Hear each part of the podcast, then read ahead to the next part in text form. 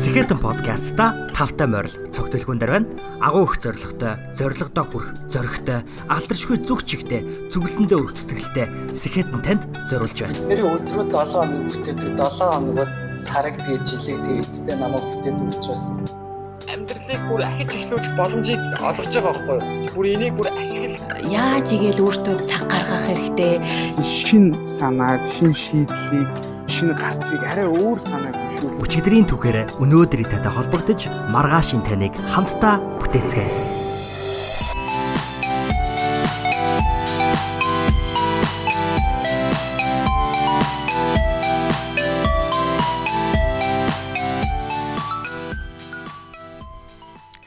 Тархины хүч чадлаа хэрэгэл зур. Бизнест асуудлыг бүтээлчээр шийдэх түлхүүр бол шүүн тунгаах юм гэж 400 гаруй компаниг удирддаг Virgin Group-ийн үүсгэн байгуулагч Richard Branson хэлсэн байдаг. Тайлбар танилцуулга хэрэггүй болтлоо хөдөлмөрлсөн хүн бол бидний энэ удаагийн дугаарын зочин Отгонбаатарын мөнхчийн ах бол дэлхийн санхүүгийн төв болсон Нью-Йорк хотод амьдарч ажиллаж буй бизнес хөрөнгө оруулалтын мэрэгчлэн. Олон нийтийн сүлжээгээр дамжуулан монголчуудаа зөв мессеж санааг илэрхийлэн хүргэж ирсэн тэрээр одоо суурь болон техникийн анализыг зөв амжилттай хийж хэрхэн амжилттай хөрөнгө оруулах, хувьцаа арилжах талаарх мэдээллүүдийг өөрийн сонирхолтой хувь хүний эрхчлөлөг ханхалсан амьдралын хэм маягтайгаа хослуулан бидэнтэй хуваалцдаг үлээ. Үнцэн бүтээгч мөнхчэн ахтай ярилцсан энэхүү дугаарыг сонссноор та дараах гайхалтай зүйлүүдийн талаар мэдэж авах болно. Дунд сургуулаа төгсөөд Америкт ирж өөрийгөө сорж таньж өөрийгөө дахин нээж олж өнөөдрийнхөө амьдралыг бий болгосон түүх өөрийн хэрсүү гярхаа зангаараа олж авсан ойлголтууд ухаарлуудаа бусадтай хуваалцах туршлага Дэлхийн манлайлагчид, удирдагчид хөрөнгөтнүүдийн шүүн тунгаах чадвар маш хөгжсөн байдаг. Яагаад тэгвэл шүүн тунгаах чадвар чухал байдаг вэ? Карьер сонголтоо хэрхэн хийх буюу харамсахгүй амьдрахын тухай мөнгөчин ба алин буюу үн цэнийг бүтээж байж бизнес амжилттай байдаг түүх гэх мэтчлэн бусад олон гайхалтай сэдвүүдийг хүрээд бит хоёр энэ удаагийн дугаартаа ярилцсан байгаа. Тэгэхээр энэ удаагийн дугаарыг та бүхэн маань маш их удаан хүлээсэн итгэлтэй надтай адил тийм учраас илүү хүлээлтгүйгээр энэ удаагийн дугаар руугаа үсэрцгээе.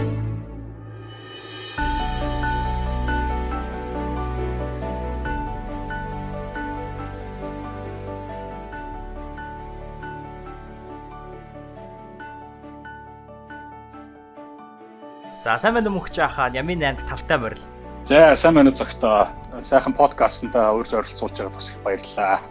Тэгэлгүй яг бид бүхний урилгыг хүлээж авсанд танд маш их баярлалаа. Миний бодлоор энэ дугаар бол маш хүлээлттэй дугаар. Тэгээд яагаад гэхээр сая сүүлийн 2-7 хоног дугаар гараагүй тийм учраас маш их хүмүүс бол шин дугаар яасан бэ гэж сууж ирсэн. Гэхдээ түүнээс илүү хамгийн чухал нь болохоор таныг баг урьж оролцуулаасаа тантай ярилцаасаа гэдэг урилга бол ер нь анх подкаста хийж эхэлснээс хойш байнга ирдэг байсан.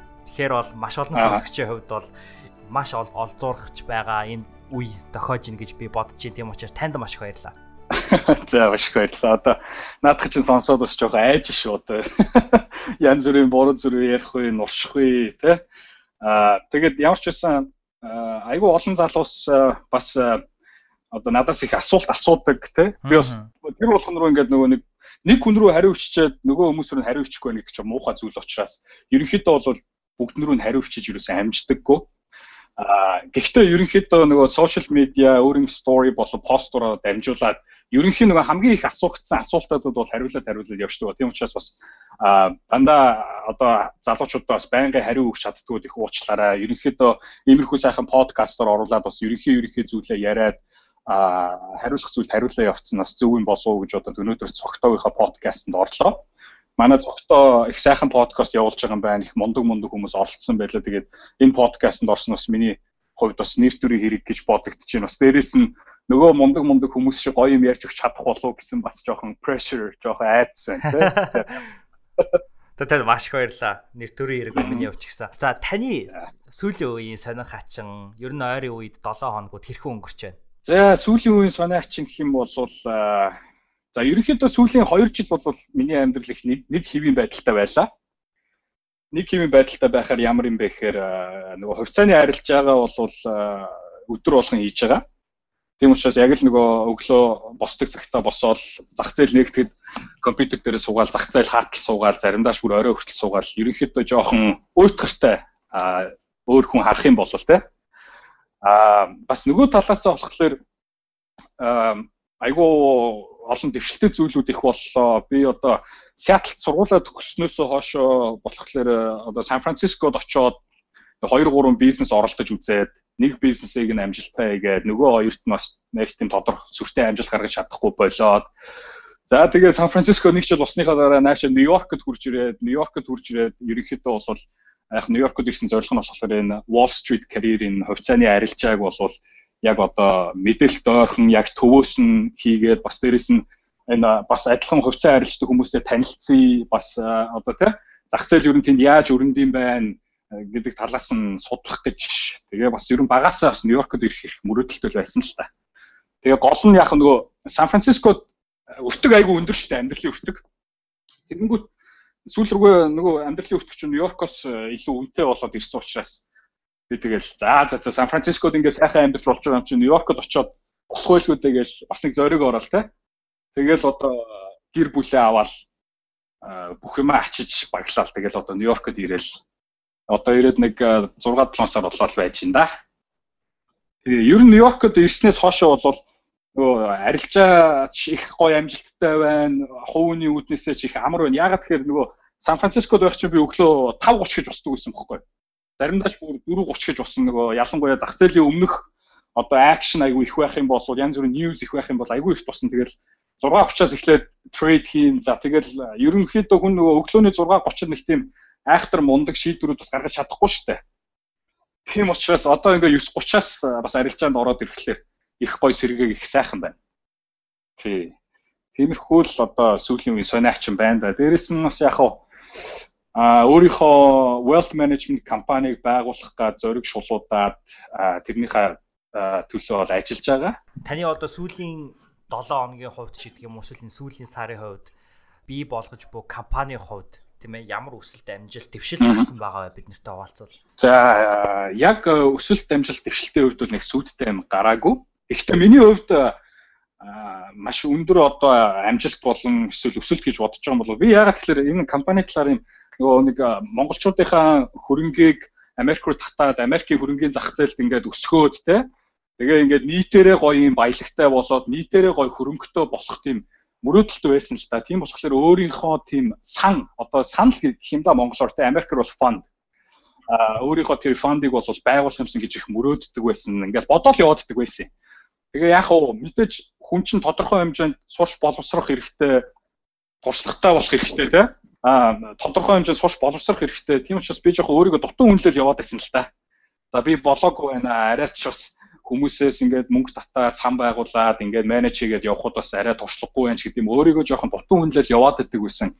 Аа харин сүүлийн хэдэн сарын хугацаанд бол за би ер нь болж байгаа юм байна. Энэ зүйлээ хийх хэрэгтэй юм байна гэдэг шийдвэр рүү орсон бас. Дээрэс нь бас Монголоос их залуучууд хүмүүс бол та одоо инвестмент аваач ингээд мөнгө өсгөж өгөөч та ингээд хийх хэрэгтэй үнэжтэй танаас өөргөн хийхгүй ч гэж юм тийм их. Агүй их нөгөө нэг хүсэлт demand эрэлт их байсан л та. Тийм учраас би за за хийх хий. Гэдэг ямар ч байсан MOT Wealth Management гэдэг MOT бол миний а нэрний болон овгийн initial те мөнхчин отхон баатар гэдэг MOT Wealth Management гэдэг ямар ч байсан нэрээ бүртгүүлээд авсан байгаа. Тэгээ одоо цаашид бас тодорхой хэмжээний лайсенсуудыг авах ёстой байгаа. Бас одоо бүртгэлүүд хийх ёстой. Тэрэн дээр ажиллаад явж байна да. Маш сонирхолтой сонсогдож байна. Тэгээд маш олон хүмүүс бас таныг яг одоо энэ амьдралын өндөрлөгөөс тань харахад бол нэг ондоо байдаг бах.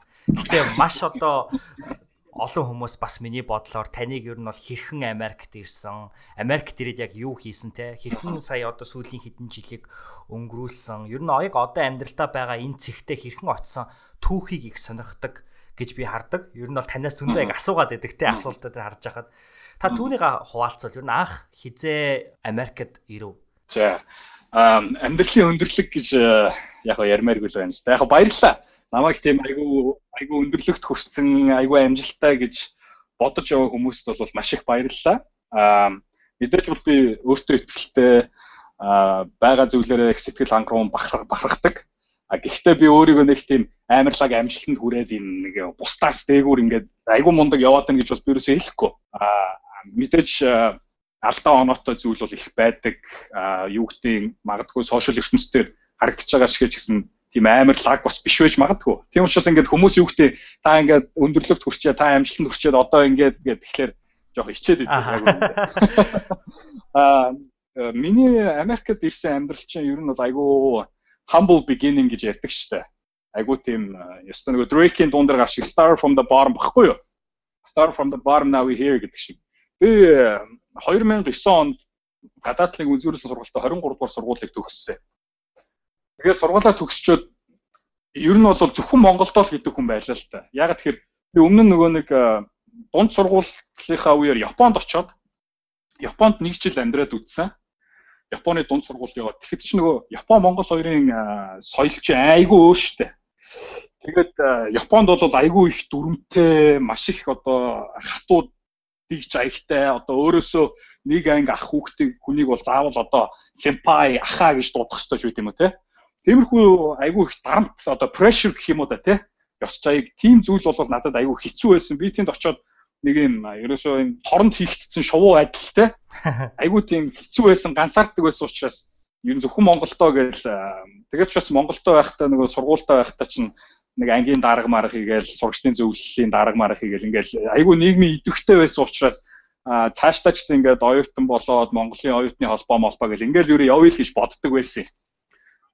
Тэгээд яг манай ээж тухайн үед нөгөө Японд доктор хамгаалж дуусчаад Америкт ирсэн байсан. Америкт ажил ажиллах гад ирсэн. Тэгээд намайг чивэрээс наад Монгол юу гайд юм бэ? Америк руу иш сур гэд. Тушаагаад. Тэгээд би бол эхлээл эхлээл явахгүй явахгүй гэжсэн. Тэгээд бодлоо ямар ч үсэн ээжийнхээ үгийг сонсоод явсан явсандаа бол маш их баярлдаг. Яагаад баярлж байгаа юм гэхээр одоо ингээд би өмнө нь мөнгөчин ямар хүн байсан бэ гэдгээ ингээ харахаар айгүй тийм жижигхэн хайрцагт хайрцаглагдсан.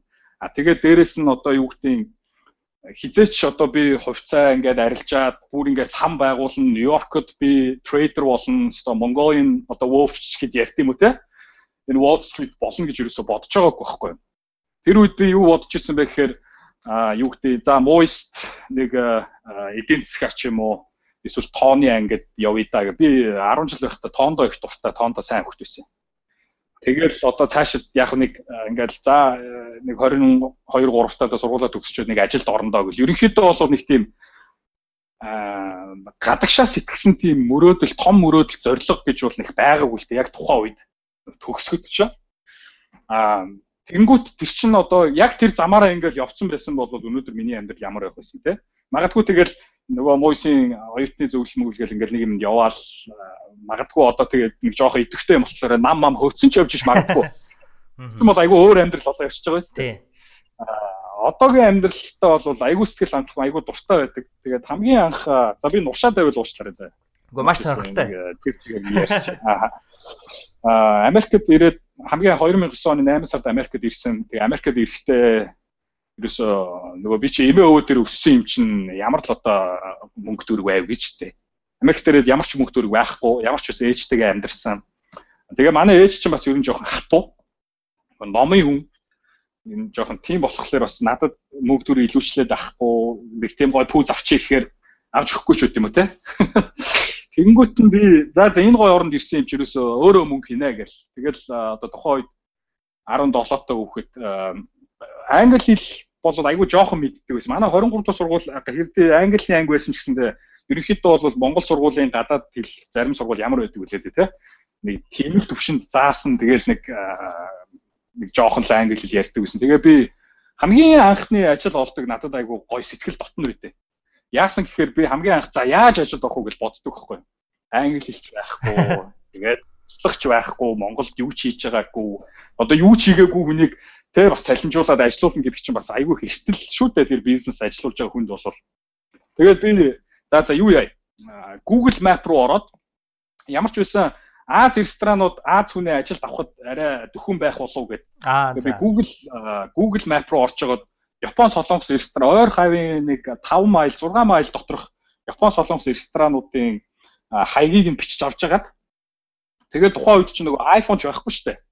Тэнгүүт Google Map дээрээс нөгөө компьютер дээрээс бүх direction-ыг принтерлж авч байгаа. Ааха. Харин тэгдэг байсан гэс тээ. Тий, direction-уудыг принтерлж авч байгаа. Тэгээ ингээд автобусан суугаад хэвээр алхаал 2 3 өдөр явсан. Тэгээ 2 3 өдөр явж явж байгаад Тэг яг уу тухайн үедээ бас нэг жоохон амбицтай жоохон нөгөө өөртөө ихтэй ч байсан их тус болсон байх гэж боддتي. Юу гэдэг явж ороод би шууд нөгөө үүдний одоо зөөгч юм те хин ресторанд одоо зөөгч л байгаа шүү дээ. Хост ч юм уу. Тэрнээс очоод оо танаа шууд менежертэй ч уулзъя гэх нэг жоохон бацаан заяа. Шууд орсон. Hi, can I see your manager гэх. Тэнгүүд өөдөл ч амар гайхаад би нэг Японы ресторан орлыг төгсөн нөгөө ч амар гайхаад оо ямар хэрэгээр юм хэрэгээр ингэ тэнгүүд зүгээр менежертэй ч уулзъя гэж. Тэгээд нөгөө цаанаас менежер дуудаа гаргаад чи тэгсэн чинь нэг солонгос очих гэ солонгосч нэг жоохон баавартай шүү дээ. Яасан бас ингэ. Тэр би оо сайн байна уу юу яа. Би ингээд ажил хайж байгаа маа. Би бол өстой юу чинь та ингээ харж байгаа бохтой би бол өстой юу хийхэд бэлэн миний бие мах бод бол өстой хөнгөн шингэн те ямар ч ажлыг бол хийж чадна. Та надад ажил өгөөч. Би дөнгөж одоо ингээд Америкт ирчээд байж байна. Би байрныхаа мөнгөөр бичдэг аюу хэцүү байдалтай байна гэж бас худлаа нэр яриад л. Тэгээд гэсэн нөгөө гар чин инээгээл тухайн үед намайг айгу шоолж исэн. Аа кишакия макия гэж жоохон нэг яд штэ. Тэгэл намайг анх одоо ажилд авчлаа. Хамгийн анх авсан тэр ажил бол ерөнхийдөө галтгооны туслах тэгээд slash одоо dishwasher Тэгээ галц галзуухан ингээл нөгөө хамаг одоо хар бор ажлыг хийжтэй төмөс ногоог нь арилгана. Тэгээл гурил мөрил юм юм 9 шидний тэр нөгөө хамгийн муу юмтай ноцтолтон. Тэгээд дээрэс нь би өглөө болгон нээх, орой болгон хаах болгонд би жовлон угаадаг байлаа. Тухайн 0 ресторан чинь 0. Тэгээд бүх аяг тавгнуудын угаан тэгэл хамгийн анх бол тэгж эхэлжсэн тэр ажилдаа бол маш их хайртай байсан. Тухайн үед яагаад тэгэхээр би ч Монголд яг нөгөө эмээ өдөр өссөн нэг тийм амар айгүй их мөнгө төгрөг бэлэн юм байхгүй дээ. Тэнгүүт тэр ажил чинь надад цагийн 8 доллар өгч ирсэн байхгүй. Цагийн 8 доллар тэгээд дээрэс нь нэмээд нэг жоохон тип аав тий. Тэнгүүт чинь нэг 10 цаг ажиллахад өдрийн 80 доллар. Йоо 80 доллар чинь тухайн үед чи юу вэ? Монголд баг юу вэ? 200 сая төгрөг шахав. Тэнгүүд тэр 200 сая төгрөгөөр ч өстэй амар хим хийж болох байсан учраас тухайн үед бол айгүй гой өндөр цалин санагдчихсэн. Тэгээд Тэр ажилдаа би нэг 6 сар ажиллаад тэгээд 3 э, сарын дараа юу яасан? Аа, суши шеф манай суши шеф э, байсан хүн гараад хоёр суши шефт байсан л та. Тэгээд нэг суши шеф нь гарцсан чинь манай менежер бас яг надад э, сайн ер нь бол би нөгөө хийсэн загсан гуйсан болгоныг нь хийчдэг. Тэрзэж үгүй гэж хэлж байгаагүй. Аа тийм байсан учраас бас намайг чинь суши шеф болох уу? Чамааг ингээд трейн хийгээд чамд бүх юм заагаад ингээд суши шеф болгоод юм бол чи цагийн 15 доллараар ажиллах боломжтой болно гэдэг нь өө шүү дээ давай хийгээл тэгэл би хамгийн анхны одоо profession гэж би хэлэх дуртай. Ягаад тэгэхээр тэр одоо суши шефийн profession чинь зарим газар Япон ч юм уу те юу гэдэг 10 жил удаа угааж ногоо арилгаж тийм хар бур ажлыг хийж иж загсанд хүртэх эрхтэй болдог те а гэтэл одоо нөгөө Америкт Яалтчгүй л нэг их чиглэлт орон юм болохоор ямар ч тийм дүрм журам тийм айхтар хатуу юм захирагдаад байхгүй. Нөгөө л 18 дэх хүүхдээ чинь чи суshi chef болох уу гэх болъё гэл. Тэгэл ингээд л ерөөсөө нөгөө American dream чи эхэлж байгаа байхгүй тий. Тий боломж болцоо бол маш их байдаг. Тэрийг авч чадсан хүнд бол үнэхээр бүхэл зүйл ирдэг. А тэгээ би суshi chef болвоо. Тэгэл загнуулаад шакя макягаараа дуудуулаад тэгэл тухайн үед жоох уур хүрдэгч байсан тэгэл тооддоггүй. Тэгэл гар уруугаач зөндөө эсэгж ийж нэг юм уу юм а хийдэг боллоо. Тэгээд хамгийн гол нь би ер нь хийж байгаа ажилдаа айгүй эзэн байхыг хүсдэг байсан бохоггүй. Тэгээд нөгөө ресторант чинь за юу яа. Ерөөсө Японд байсан юм чинь Япон хэл мэлтэй учраас орж ирж байгаа хүмүүстэй японоор мэдлээ гээл те. Тэгэл ингээл тэр суши шефийн позишныг аягүй сериусны хүлээж аваад тэгэл ингээ яхад бол 3 сарын дотор бол би маш сайн сурсан. Тэгээд одоо нийт 6 сар орсон ш тэр ресторан. Тэгэнгүүт за та миний цалин нэмж өгөх юм уу гэсэн манай хүн нэмэхгүй чи ингээд 15 орол ажиллах тэгэнгүүт нь би за за гэл нэг өөр газар очиод юу яагаад 5 жилийн experienceтэй гэж худлаар байсан мэ бичээд. За Тэр үед тохоо одоо толгойд орсон зүйл л тэр. Тэгээд нэг өөр газар очиод за би ингээд суshi chef би 5 жил хийж байгаа. Би ингээд багасаа ингээд цагийн ажил хийсэн гэсэн. Тэгсэн. Тэгээд за тэгвэл давай чиний суshi chef чи скилийг шалгаж чи суshi хийгээд гэх тэгэхээр би ингээд гоё хийсэн л юм шиг байгаа.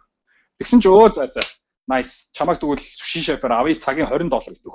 Вау за. Тэгээд нөгөө цагийн 8 доллараар эхэлсэн хүүхэд чинь цагийн 20 доллар төр буваа. Йоо 20 доллар өдрийн 10 цагаас 200 доллар. Дээрээс нь типэ нээд 200 та 300 доллар заяа.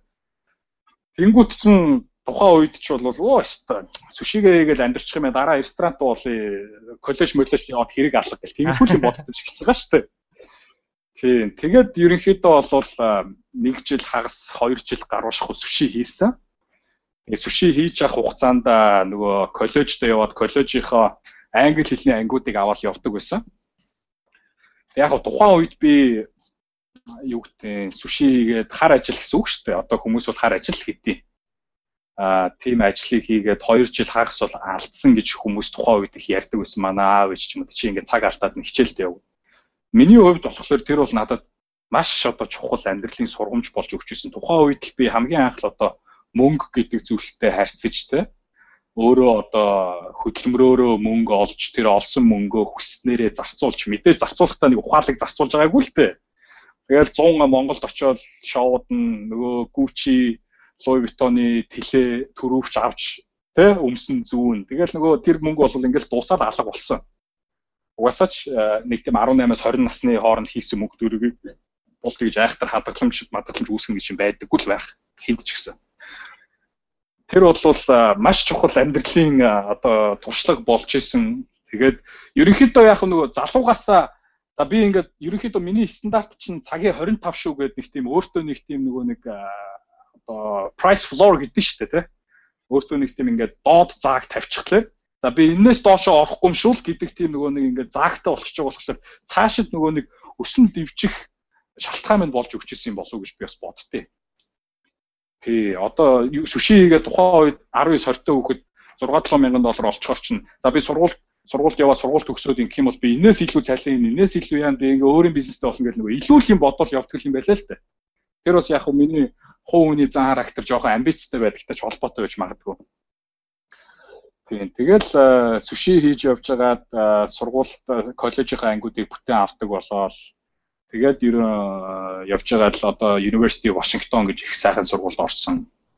Аа за би одоо тэр сургуульд орсон түүхийг бас ингээд тост нь ярих хэрэгтэй. Айгу удаан болчих гэх зүгээр үү? Тий.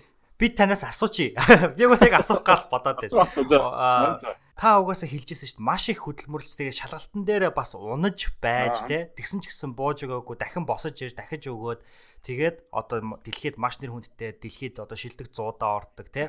Тим том сургуульд бол орсон байгаа. Тэгээд тэр түүхийг хуваалцаасаа гэж хүсэж чинь. Тэгээ би яг хуу энэ дундуур нь яг тантай ярилцахаас өмнө дотроо нэг гуйлт ирсэн. Тэгээ энэ гуйлт үнэхээр үнэн чин үнэн гуйлт байсан. Тэр нь юу гэхээр маш олон хүмүүс таныг эх оронч үзлийн тухай бичлэгээр бол таньж авч ирсэн. Тэгээ би яг энэ айгүй энгийн асуулт. Энэ бичлэгүүдийг та тэгэхээр коллежд байхдаа хийсэн хийдэг байсан уу? Эсвэл их сургуульд орчоод хийсэн үү? Хамгийн анх одоо би хамгийн анх тэмцлийг 2011 онд хийжсэн. А би тэр үед одоо яагаад тийм бичлэгнүүд хийх болсон бэ гэдэг шалтгаанаа ингээд бодоод үзэхлээр тухайн үед бол би нэг өсөндөө ер нь сүши шеф бол нөгөө биеийн хүчний хөдөлмөр гэдэг чинь хүн төчөр хөдөлмөр шүү дээ. Тийм хөдөлмөр эрхэлдэг байхдаа айгүй ядардаг байсан л да нөгөө байнга зогсоогоор ажиллахаар хөл мөлж өвтөн нурууч өвтөн тий ядардаг байсан нэгдүгээр хоёрдугаарт ингээд Facebook ороод ч юм уу ингээд харахаар найзууд их гоё юм хийгээл ингээд шоуд зингээл ийш тийш зугаалаад би тэгээ айгүй их орноо их сандаг байсан. Манай найзууд хөдөө гадаагаар яваал би тэгэл айгүй их Монголоо их сандаг байсан. Тэгээд тухайн үед бол Монголынхоо одоо бүхэл сайн сайхан зүйлсийг бодож Монголоо их хайрлаж за Монголдо байгаа хүмүүс нь энэ монголоор нээх их бахархгүй, нээх их тоохгүй ч байгаа юм шиг санагдтал тий. Аа, яг тэгдэг. Би хамгийн анх харин тий эх оронч үндэсний үзэл гэж юу юм бэ? Хүн яагаад ийм үндэсний үзэлтэй байх ёстой юм бэ гэдэг талаар би нэг бичлэг хийж тавьчихсан л та. Тэ а эх оронч үндэсний үзэлгээ би нэг 5 категори гаргаад хийж ирсэн. Тэгээд тухайн үед би нэгч тэгж айхтар хүн амьтанд хүрнэ гэж бодоагүй зүгээр л энэ бол миний үзэл баримтлал, энэ бол миний үзэл бодол. Тэ Энийг л би зүгээр хүмүүст одоо тайлхинсан, шеэр хийсэн те одоогийн хэллэгээр бол шеэр хийсэн. Аа би ер нь яг багасаа 23 дугаар сургуульд байхад манай ангийн багш уран зохиол монгол хэлний багш байсан л та одоо ч өөрөө зохиолч хүн байдаг. Батан базрын оюуна гэдэг багш маань байдаг.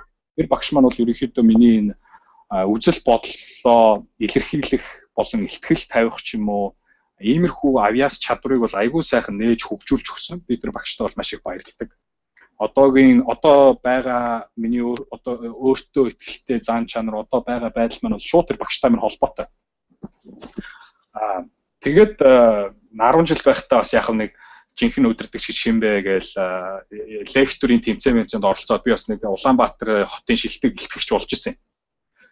Тэгээд нөгөө жоохон яриа сурцсан байсан болохоор за би ер нь яри үзэл бодлоо илэрхийлье гээл тэгэл хамгийн анх YouTube видео хийсэн гэсэн хүмүүст маш сайхан хүрсэн надад ерөөсөө айгүй их мессеж ирсэн те Facebook-ээр нь тухайн үед бол Facebook л байсан шүү дээ. А Facebook-оор маш их мессеж ирсэн хүмүүс би ч гэсэн яг ингэж боддог яг ингэж яадаг гэсэн тантай яг санал нэг үнэ гэдэг. Тэгээ би бодч лсэн яг хүмүүс бүх хүмүүс ингэж боддtiin байна. А хүмүүсийн яг бодоод гэхдээ нэг хилдэггүй зүйлсийг ингээд хилээд гаргаад тавихлаар хүмүүс маш их дуртай байт юм байна. Би тэгээ тухайн үед айгүй их баярлжсэн. Тэгээд би цаашаага нэг хідэн зураг бичлэг хийсэн. Тэгээд ер нь нэг тэгж бичлэг хийх болоод ерөнхийдөө жоохон Facebook дээр пост тавих те мэдсэн сурснаа залуучуудтай хуваалцах тал руугаа шилжсэн дээ. Одоо сүүлийн үед бол дандаа тийм эдийн засаг хувьцааны арилжаа санхүү тал руу л явах шүү. За тэгэхээр тэр бичлэгээс хоошоогоо л яг их сургуульд орох гээд хөдөлмөрлж эхэлсэн цаг үе юм биш те? Тийм тийм. Тэгээ ер нь яг тэр бичлэг хийхдэггүй ер чи би коллежид англи хэлний ангиуд авч дуусчаад ганц хоёр мэрэгжлийн ангиуд аваад эхэлсэн байсан. Тэгээд тухайн үед бол мэрэгжил сонголтын тал дээр би айгүй өөр өөр бодолтой байдаг байлаа. Би улс төрөөр сурна гэж бодлоо засаг ар сурна гэж бодлоо. Яг нэг улс төрөөр сурна гэж байгаа юм тэгээд Монголд очиод одоо улс төрд орохгүй шүү дээ нэгсэндээ. Энэ болохгүй өгтөх байна. Би нэг өөрчлөмөр байна гэж. Тэгэл яг нөгөө жоохон хүүхдээ юм итгэхгүй хүүхдээ амбиц бол улс төр рүү орох ч гэдэг юм. Тэгээд нэг улс төрөөр сурна гэж үзсэн хэдэн улс төрийн анги авсан. Аа тэгээ ер нь бол яг миний нэг сонирхох зүйл биш юм байна гэд тэгээд санхүүгээр л явъя да гэж шийдсэндээ. Тийм Тэгээ миний явдаг нөгөө коллеж чинь бас нэг тийм айхтар мундаг коллеж байгаа. Зүгээр л одоо би ч нөгөө Portland гэдэг ерөнхийдөө айгу хөдөө газар очсон шүү дээ Америкийн. Oregon мууч гэдэг бол баруун эргийн хөдөө.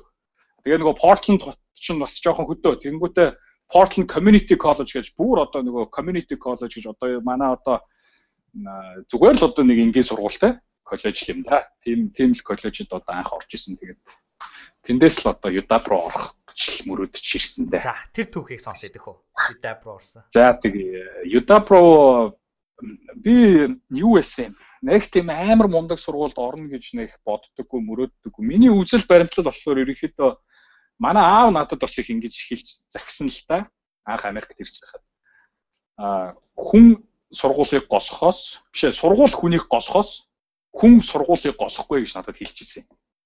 Тэр нь одоо юу гэсэн үг вэ гэхээр чи сургуулаас үнэхээр авах ёстой мэдлэгээ аваад сайн өөрөө сайн явж чадах юм бол ямар ч сургуулаас төгссөн чи бол сайн л явна гэсэн үг л дээ. Би тийм ерөөхдөө үзэл баримтлалаа нэгч тийм сүртэй сургуульч гэж боддоггүй байлаа. Ерөөхдөө нэг тийм амбиц нэг тийм өндөр байгаагүй яг үнэндээ. Тэгэд би UDAP-ыг судалж үзээд UDAP дээр очиж кампус тур хийгээл тэгэл нөгөө хүний мөрөөдөл триггер хийж байгаа юм л та. Хүн нөгөө өөрөө ингээ нэг бодож байгаад нэг аа за за гэж ингээл бодож байгаа бол яг очиж нөгөө нүдээр үзээд кампус дотор яваад ингээ номын санд нь орч мороод үзэхлээр чинь яг ингээ жинхэнэ нөгөө мөрөөдөл чинь триггер болоод нөгөө дотор гал асаал эхэлж байгаа. Яагаад энэ дэлхийн мундаг мундаг хүүхдүүд ялангуяа манай урд төршийн хар мянган хүүхдүүд сурч байхад яагаад нэг монгол залуу ер нь энд сурч болтгүй юм гэж бодоод тэгээ ингээд судалсан ч бас хэдэн монгол оюутан сурт юм байна. Тэнгүүд би бас нөгөө багасаа жоохон шартаа хүүхд байсан л та хүн чадж байгаад би яагаад чаддгүй гэдэг нэг тийм шартай. Тэр нь заримдаа зөвч байдаг бурууч тал руу ордог хэлсэн баг. Тэгээд тэр шар маань хөдлөөд за би юу орноо энд гэж үзээл. Тэгээд дээрэс нь бас тухайн үед яг би одоо их нартайгаа дөнгөж танилцсан бит хоёр өрхтэй байсан. Үерхэн ч гэж юу Америкт үерхээр чинь тэгэл нэг гэрт орчдөг шүү дээ. Тэрийг бол манай Америкт байгаа хүмүүс бүгд мэдж байгаа. Хүний газар үерхэд бол ерөнхийдөө нэг гэрт орохын цондон заа. Тэгээд их нартайгаа нэг гэрт орсон байсан. Тэгэл манай хүн намайг манай хүн бол намайг маш их ер нь дэмжиж э, намайг их э, их сайн түлхүүрдэж өгдөө шүү ер нь бүхэл юмн дээр. Тэгээ тухайн үед миний хайр чи өстө наад юдабд орч чадахгүй байхтай яа гэв. Чи орч чадна юу яриад байгаа. Наад зүгээр л үз чамаас мяа хүүхдүүд орцсон байгаа. Чи зүгээр ор гээл. Чи зүгээр өгөөл үзгээд. Тэгээ би за за ерөөсөө өгнө гэх. Тэгээ би юдабда бэлдэж эхэлсэн л та нэг жилийн өмнөөс одоо чинь коллежид анги коллежид яг уу ерөнхийдөө нэг ихний хоёр жилээ дуусгах гэсэн үг шүү дээ. Тэгээ би Удап руу 2013 оны 9 сараас орохоор төлөвлөж байгаа байхгүй юу? гэж бод нэг 2011 оноос л коллеж сериус авч эхэлсэн юм чинь. Тэгээд 13 оны 9 сараас орно гэж төлөвлөөл. Тэгээд ерөөсөө а коллеж ангиудаа аваад бизнес introduction гэх мэтлэн босон нөгөө бүх prerequisite ангиуд гэдэг юм да. Тэр ангиудаа авч дуусгаад тэгээд би а нөгөө university ч одоо 9 сард орох гэж байгаа бол жилийн өмнө аппликейшн явуулдаг байхгүй юу? Тэр нэгсэндээ би одоо PCC буюу Portland Community College байхдаа нэг жил төгсгөөсөө одоо associate degree авахаас нэг жилийн өмнө UW apply дижаа. Тэгээ UW apply гад маш хэцүү байсан. Яагаад тэгэхээр нөгөө би чинь international оюутан гэж явахгүй учраас нөгөө Америкийн Америкт байгаа одоо Америкийн иргэн болон Америкт оршин суудаг хүмүүстэй өсөлтөж байгаа байхгүй юу. Тэгэнгүүт нөгөө надад тавигдж байгаа англи хэлний шалгуур болон нөгөө орох магадлал чинь маш бага. Интернэшнл оюутан хүүхдүүд бол нөгөө өөрсдөө өрсөлдөж байгаа шүү дээ. Тэгэхээр чи нөгөө TOEFL авсан оноонууд өрсөлдөн тэгээ бичсэн эссе чинь нэх бас тийм амар лаг байх шаардлагагүй тийм нөгөө хоорондоо өсөж байгаа нөгөө Америкт амьдарч байгаа хүмүүст өрсөлдөхөд чинь миний эссе бол маш сайн байх хэрэгтэй болж байгаа. Тэгээ англи хэл бол өстой перфект байх хэрэгтэй болж байгаа. Тэгээ тухайн үед бол би бас тийм англи хэл сайн байгаагүй. А тэгээ би нэг за за би юу яа ерөөсөө л нөгөө ихтгэл мэлтгэл тавьдаг юм юм гоё ярьдсан юм чинь гэл нөгөө тухайн үед өөрийгөө хөөргөөл амар гоё эссе бичээгэл. Тэгээ миний дүн бол нэг тийм сайн ч биш муу ч биш нэг 3.5 тал байсан баг. Тэгээд чинь 3.7-оос дээшээ биш бол ерөө орох chance бол бага штэ. Айгүй хэцүү. Тэгээ би за за college application essay дээр би анхаарлаа төвлөрүүлгээл тэгэл би essay за нэг 7 хоног ерөөсөө нөгөө эхний өгүүлбэрээ тавих гэж гацсан да. Юу бичих вэ юу бичих вэ? Яг нэг ганц өөр essay-ний талаар ном уншаад чи өөрийнхөө background өөрөөхөө хаанаас ирсэн, яаж өссөн, ямар хэцүү байдлаас гарч яаж одоо амжилтанд хүрсэн ч гэдэг юм уу те. Тиймэрхүү зүйлээ харуулж бичиж чадах юм бол тэр хүмүүс бол чамайг үнэлнэ гэж байгаа юм. Тэгэхээр би одоо тэгэл нөгөө эсээгээ би хаах ингэж эхэлж ирсэн. Аа гадаа шороо чулуудаа тоглох болон маслта талхан дээр элсэн чихэр тавих. Ингэж хэлсэн байна Маслта талхан дээр элсэн чихэр тавьж усаар тусааж одоо шингээх нэг бол миний хамгийн одоо government breakfast байлаа гэж. Миний одоо хамгийн тансаг өглөөний цай байлаа. Надад олдож байгаа хамгийн тансаг тоглоом бол гадаа байгаа мүлгэр чулуу байлаа гэл. Тэгж би хэсэг эхэлчихсэн баггүй юу. Тэгээ ерөнхийдөө нөгөө Монголд бидний одоо үеийнхэн бол мэдэндээ яаж өссөн гаражн дээр нисдэг байсан те. Одоо нөгөө хад чулуугаар гэр орон хийгээл чулуугаар байлдаж өссөн. Ерөнхийдөө энэ Америкуудын хувьд тэр чинь бол айгүй тийм хэцүү амьдрал байхгүй. Бидний хувь сайхан байсан гэтэл тэд нар ингээд сонсохоор айгүй хэцүү амьдралаас өссөн. Өстой нөгөө гэрогоос гарч ирсэн хүүхдүүд шиг сонсогч байгаа байхгүй. Тэнгүү за би тэрэн дээрээ тоглолт хийгээ. Тэгээд тэр талаараа бичээд тэгээ яаж Америкт ирсэн түүхээ бичээд хамгийн анх би ямар ажил авсан түүхээ бичээд тэгээд аль болох ерөнхийдөө ингээ 2013 би дөрвөн жилийн дотор ийм хэмжээний англи хэлээр би та нарт ийм хэмжээний эссе бичиж шүү. Би цаашаа танаа сургуульд ороод өшөө 2 3 жил байх юм бол би бол удирдахч манлайлагч болно гэдэг имийг харуулж бичсэн. Тий. Тэгэхэд тэгэл юу яасан? Тэгээд хариугаа 11 сард авдаг байхгүй. Нөгөө early application decision-ы хариугаа авахгүй. Тэгэл би бүр өстой ингэ сандраалцаа. Яа яах вэ хөө. Ягаад тэгэхээр зөвхөн UW-д орох хүсэл сонирхол байсан өөр сургууль байгааг учраас би өөр ямар сургууль руу явуулаагүй. Ааха. Тэгэл за одоо UW-д орч чадахгүй бол тэгэл нэг юм бодонд бол гэж ботцсон тий. Нэг бодлын бас миний нэг уншсан айгуу гоё номон дээр тэгтэх байхгүй. Think and Think and Grow Rich гэдэг ном байдیں۔ Тэрэн дээр юу гэж хэлдэг гэхээр чамд чи үнэхээр хүссэн зүйл рүүгээ одоо чи чамд энэ л байхгүй бол чамд өөр ямар ч сонголт байхгүй чиний энэ л бүтэхгүй бол чиний амьсгал хураах мэтэр чи хүсэж зорж тэмүүлж чадах юм бол чи тэр зүйлдээ чи заавал хүрдэг гэж хэлдэг хөхгүй. Тэгэхээр би бод юу гэдэг нэг тийм ингээд олон сонголт өөртөө үлдээхгүйгээр ерөөсөө л юдап руу гэж зүтгэсэн. Нэг бодлын тэр чи мууч бас нэг бодлын сайн те. Тэгээд шөнийн 3 цагт надад имэйл ирдээ Тэгээ би тухайн үед ч унтахгүй би бас Dota тоглох дуртай. Миний нэг муу заршил зуршил зав. Тухайн үед чинь яг нөгөө дөнгөж Dota 2 гарцсан амар байлаа шүү дээ. Йоо Dota-наас салахгүй зав. Орой үед шөнийн 3 4 тоглож сууч. Тэгээ шөнийн 3 цаг Dota тоглож сууч ийм л юм. Тэгээ имэйл яасан чинь Udap-ийн имэйл байна. Аха. Яа нөгөөдхөө онгоолохгүй онгоолч тэгэл эхнэрээ дуудал тухайн үед манай ихнэр жирэмсэн. Миний охин төрөхгүй жирэмсэн байсан. Тэгээ дуудаал. Тэгээ нөгөө цаас онгоолгол яасан чинь дээр мөнхчин отхон баатан тий бид нар ингээд танд баяр хүргэж байна гэд эхний өгүүлбэрийг нь хараад би зүгээр. Хэвээ би амьдралдаа тэгэж орлоог баг. Аа. Аа амар орлоо. Хэвээ нөгөө хорвоо гизэлсэн юм шиг хэвээ дэлхийн хаа болцсон юм шиг л баярлж байгаа юм чи. Тэгэж одоо сагсуураал те. Яа тийм ээ хэвээ мөнх чин чадлаггүй яах вэ гэж. Аа. Тэгэл Ютабад орж исэн. Гэхдээ тэр чинь бизнесийн сургууль нь биш шүү. Тэр чинь бизнесийн сургууль биш. Зөвхөн нөгөө general admission. General admission юу гэдэг вэ гэхээр а одоо general нөгөө мэрэгжил сонголтууд. Одоо тэнд бол юу орно? 9 шидийн одоо нөгөө liberal art сонголтууд тий. Түүнээс нөгөө инженер, менежер, бизнес, компьютер, софтвер энэ чинь тусдаа дахиад аппликейшн байгаа. Дахиад өөр сургууль واخгүй юу? Тэнгүүт нэгсэнд хамгийн анх Юдапад орохдоо би ямар одоо chance-аар орсон бэ гэхээр тэдний одоо Вашингтон стейт Америкийн сургуулийн систем юм байдیں۔ А энэ стейт оюутнуудаа авах айгүй сонирхолтой. Энэ оюутан гэхээр Юдаб чи Вашингтон стейт байж байгаа учраас Вашингтон стейтийн коллежуудаас оюутнууд авах сонирхолтой. А тэгэнгүүт Вашингтон стейтийн Вашингтон стейт бус бус out of state одоо өөр муучаас хүүхдүүд авах бол тэр чи айгүй цөөхөн номер байдаг хгүй юу? Айгүй цөөх хүүхдүүд аавна гэдэг. Тэгээд миний тухайн үеийн бодсон бодлоор би ерөөсө 5% чанстай орж исэн Юдаб руу. Одоо 100 хүүхдээс 5 хүүхд сонгогдоход би тэрний нэг байсан бохоггүй юу. Тэгээд цаашаа би дахиад яг Юдабд ороод би нэг эдийн засгийн анги мага би тухайн үед эдийн засгаар явъя гэж бодож байгаа. Тэгээд би цаа болио.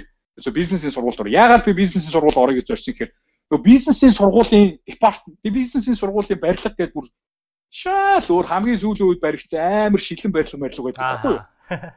Тэгэл энэ бизнесийн сургууль юу яадаг болцсон ингээл те.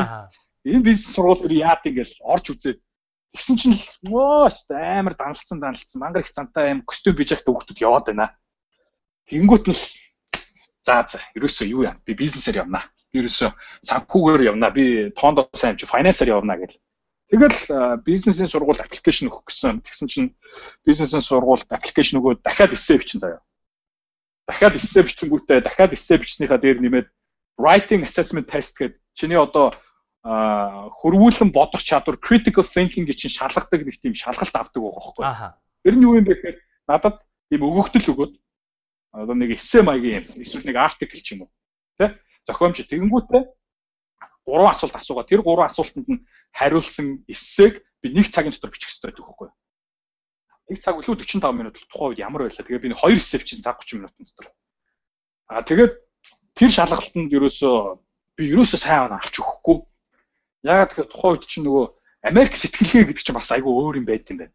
Манай одоо Аз сэтгэлгээ, Монгол сэтгэлгээ гэдэг чинь бас нэг өөр зүйл байна. Тийм учраас би нөгөө Америк сэтгэлгээгээр нь гаргаж юмаа одоо гаргалгаатай бичиж чадахгүй байсан байхгүй. Тэгээд нэг л болж өгөхгүй. Эхний шалгалтаа муу өгчлөө. Тэгээ орч чадсангүй. Миний GPA энэ айгүй сайн байгаад тэг нөгөө Юдабад очсны дараах янз бүрийн ангиуд авсан болж өгсөнгөө тэгээд би дахиад за за намрын аппликейшн би орсонгүй за тэгвэл өвлийн аппликейшн бэлдэж байгаад өгнө гэд өвлийн аппликейшн дахиад ороод өгсөн чинь тэр чинь өмнөх өгсөн эссэгээ өгч болохгүй дахиад шинээр эссе бичиж байгаа. Тэгээд дахиад шинээр нөгөө шалгалт өгч байгаа.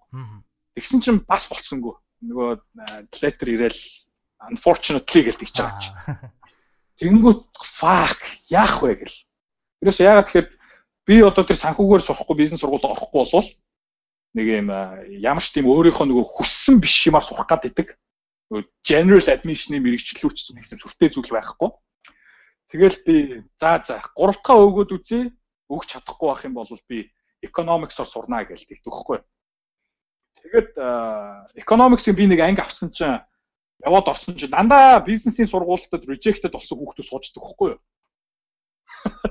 Тэнгүүт нь миний асал нэг шар хөдлөл ер нь би яхаараа юм reject болсон хүмүүстэй тий анги авч мэрэгчил яад ингээд бас нэг жоохон шар хөдлөл. Тэгэл тэр бизнесийн сургуулийн шалгалтаа би айгүй сайн бэлдэж 3 дахь өгөөд. Аха. Тэгээ 3 дахь өгөхөд бол маш өндөр оноо авсан. Тэгээд тэр даруйдаа бас маш хурдан хариугаа авсан. Early одоо decision letter. Тэгээд бас нэг Udab-та орсныхоо дараа бизнесийн сургуультай орох гэж бас нэг жил алдсан байт юм аа. Ямар ч байсан 3 удаа үзсний үр дүнд бол бизнесийн сургуультай орсон. Тэгээ бизнесийн сургуульд ороод бол үнэхээр э, яг нөгөө хүн өөрийнхөө дуртай хичээлүүдийг аваад дуртай сэдвээ үзээд эхлэхэр ч өстой. Яг л э, од нь болж байгаа юм да. Од нь болох нь цаашаа зүгээр нөгөө ангита одоо айгүй идэвхтэй тий. Тэгээд дүн дүн мөн ч айгуусаа одоо миний GPA-г харах юм бол миний одоо finance ангиуд бол бүгд 4.0. А тэгэнгүүтээ нөгөө бусад нэг юм жижиг саж ингээл literacy literacy гэж авах хэрэгтэй ангиуд байдаг шүү дээ. History, mystery гэх. Тиймэрхүү ангиуд бол нэг тийм сайн биш. Тэгэхээр одоо эндээс авах point нь юу юм бэ гэхээр хүн яг одоо үнэхээр өөрийнхөө дуртай хүссэн зүйлийнхээ араас одоо зорж хөдөлмөрлөж тэ ямар ч сонголтгүй мэтээр тэрнийхээ араас зүтгэж чадах юм бол хүн бол заавал хүрнэ.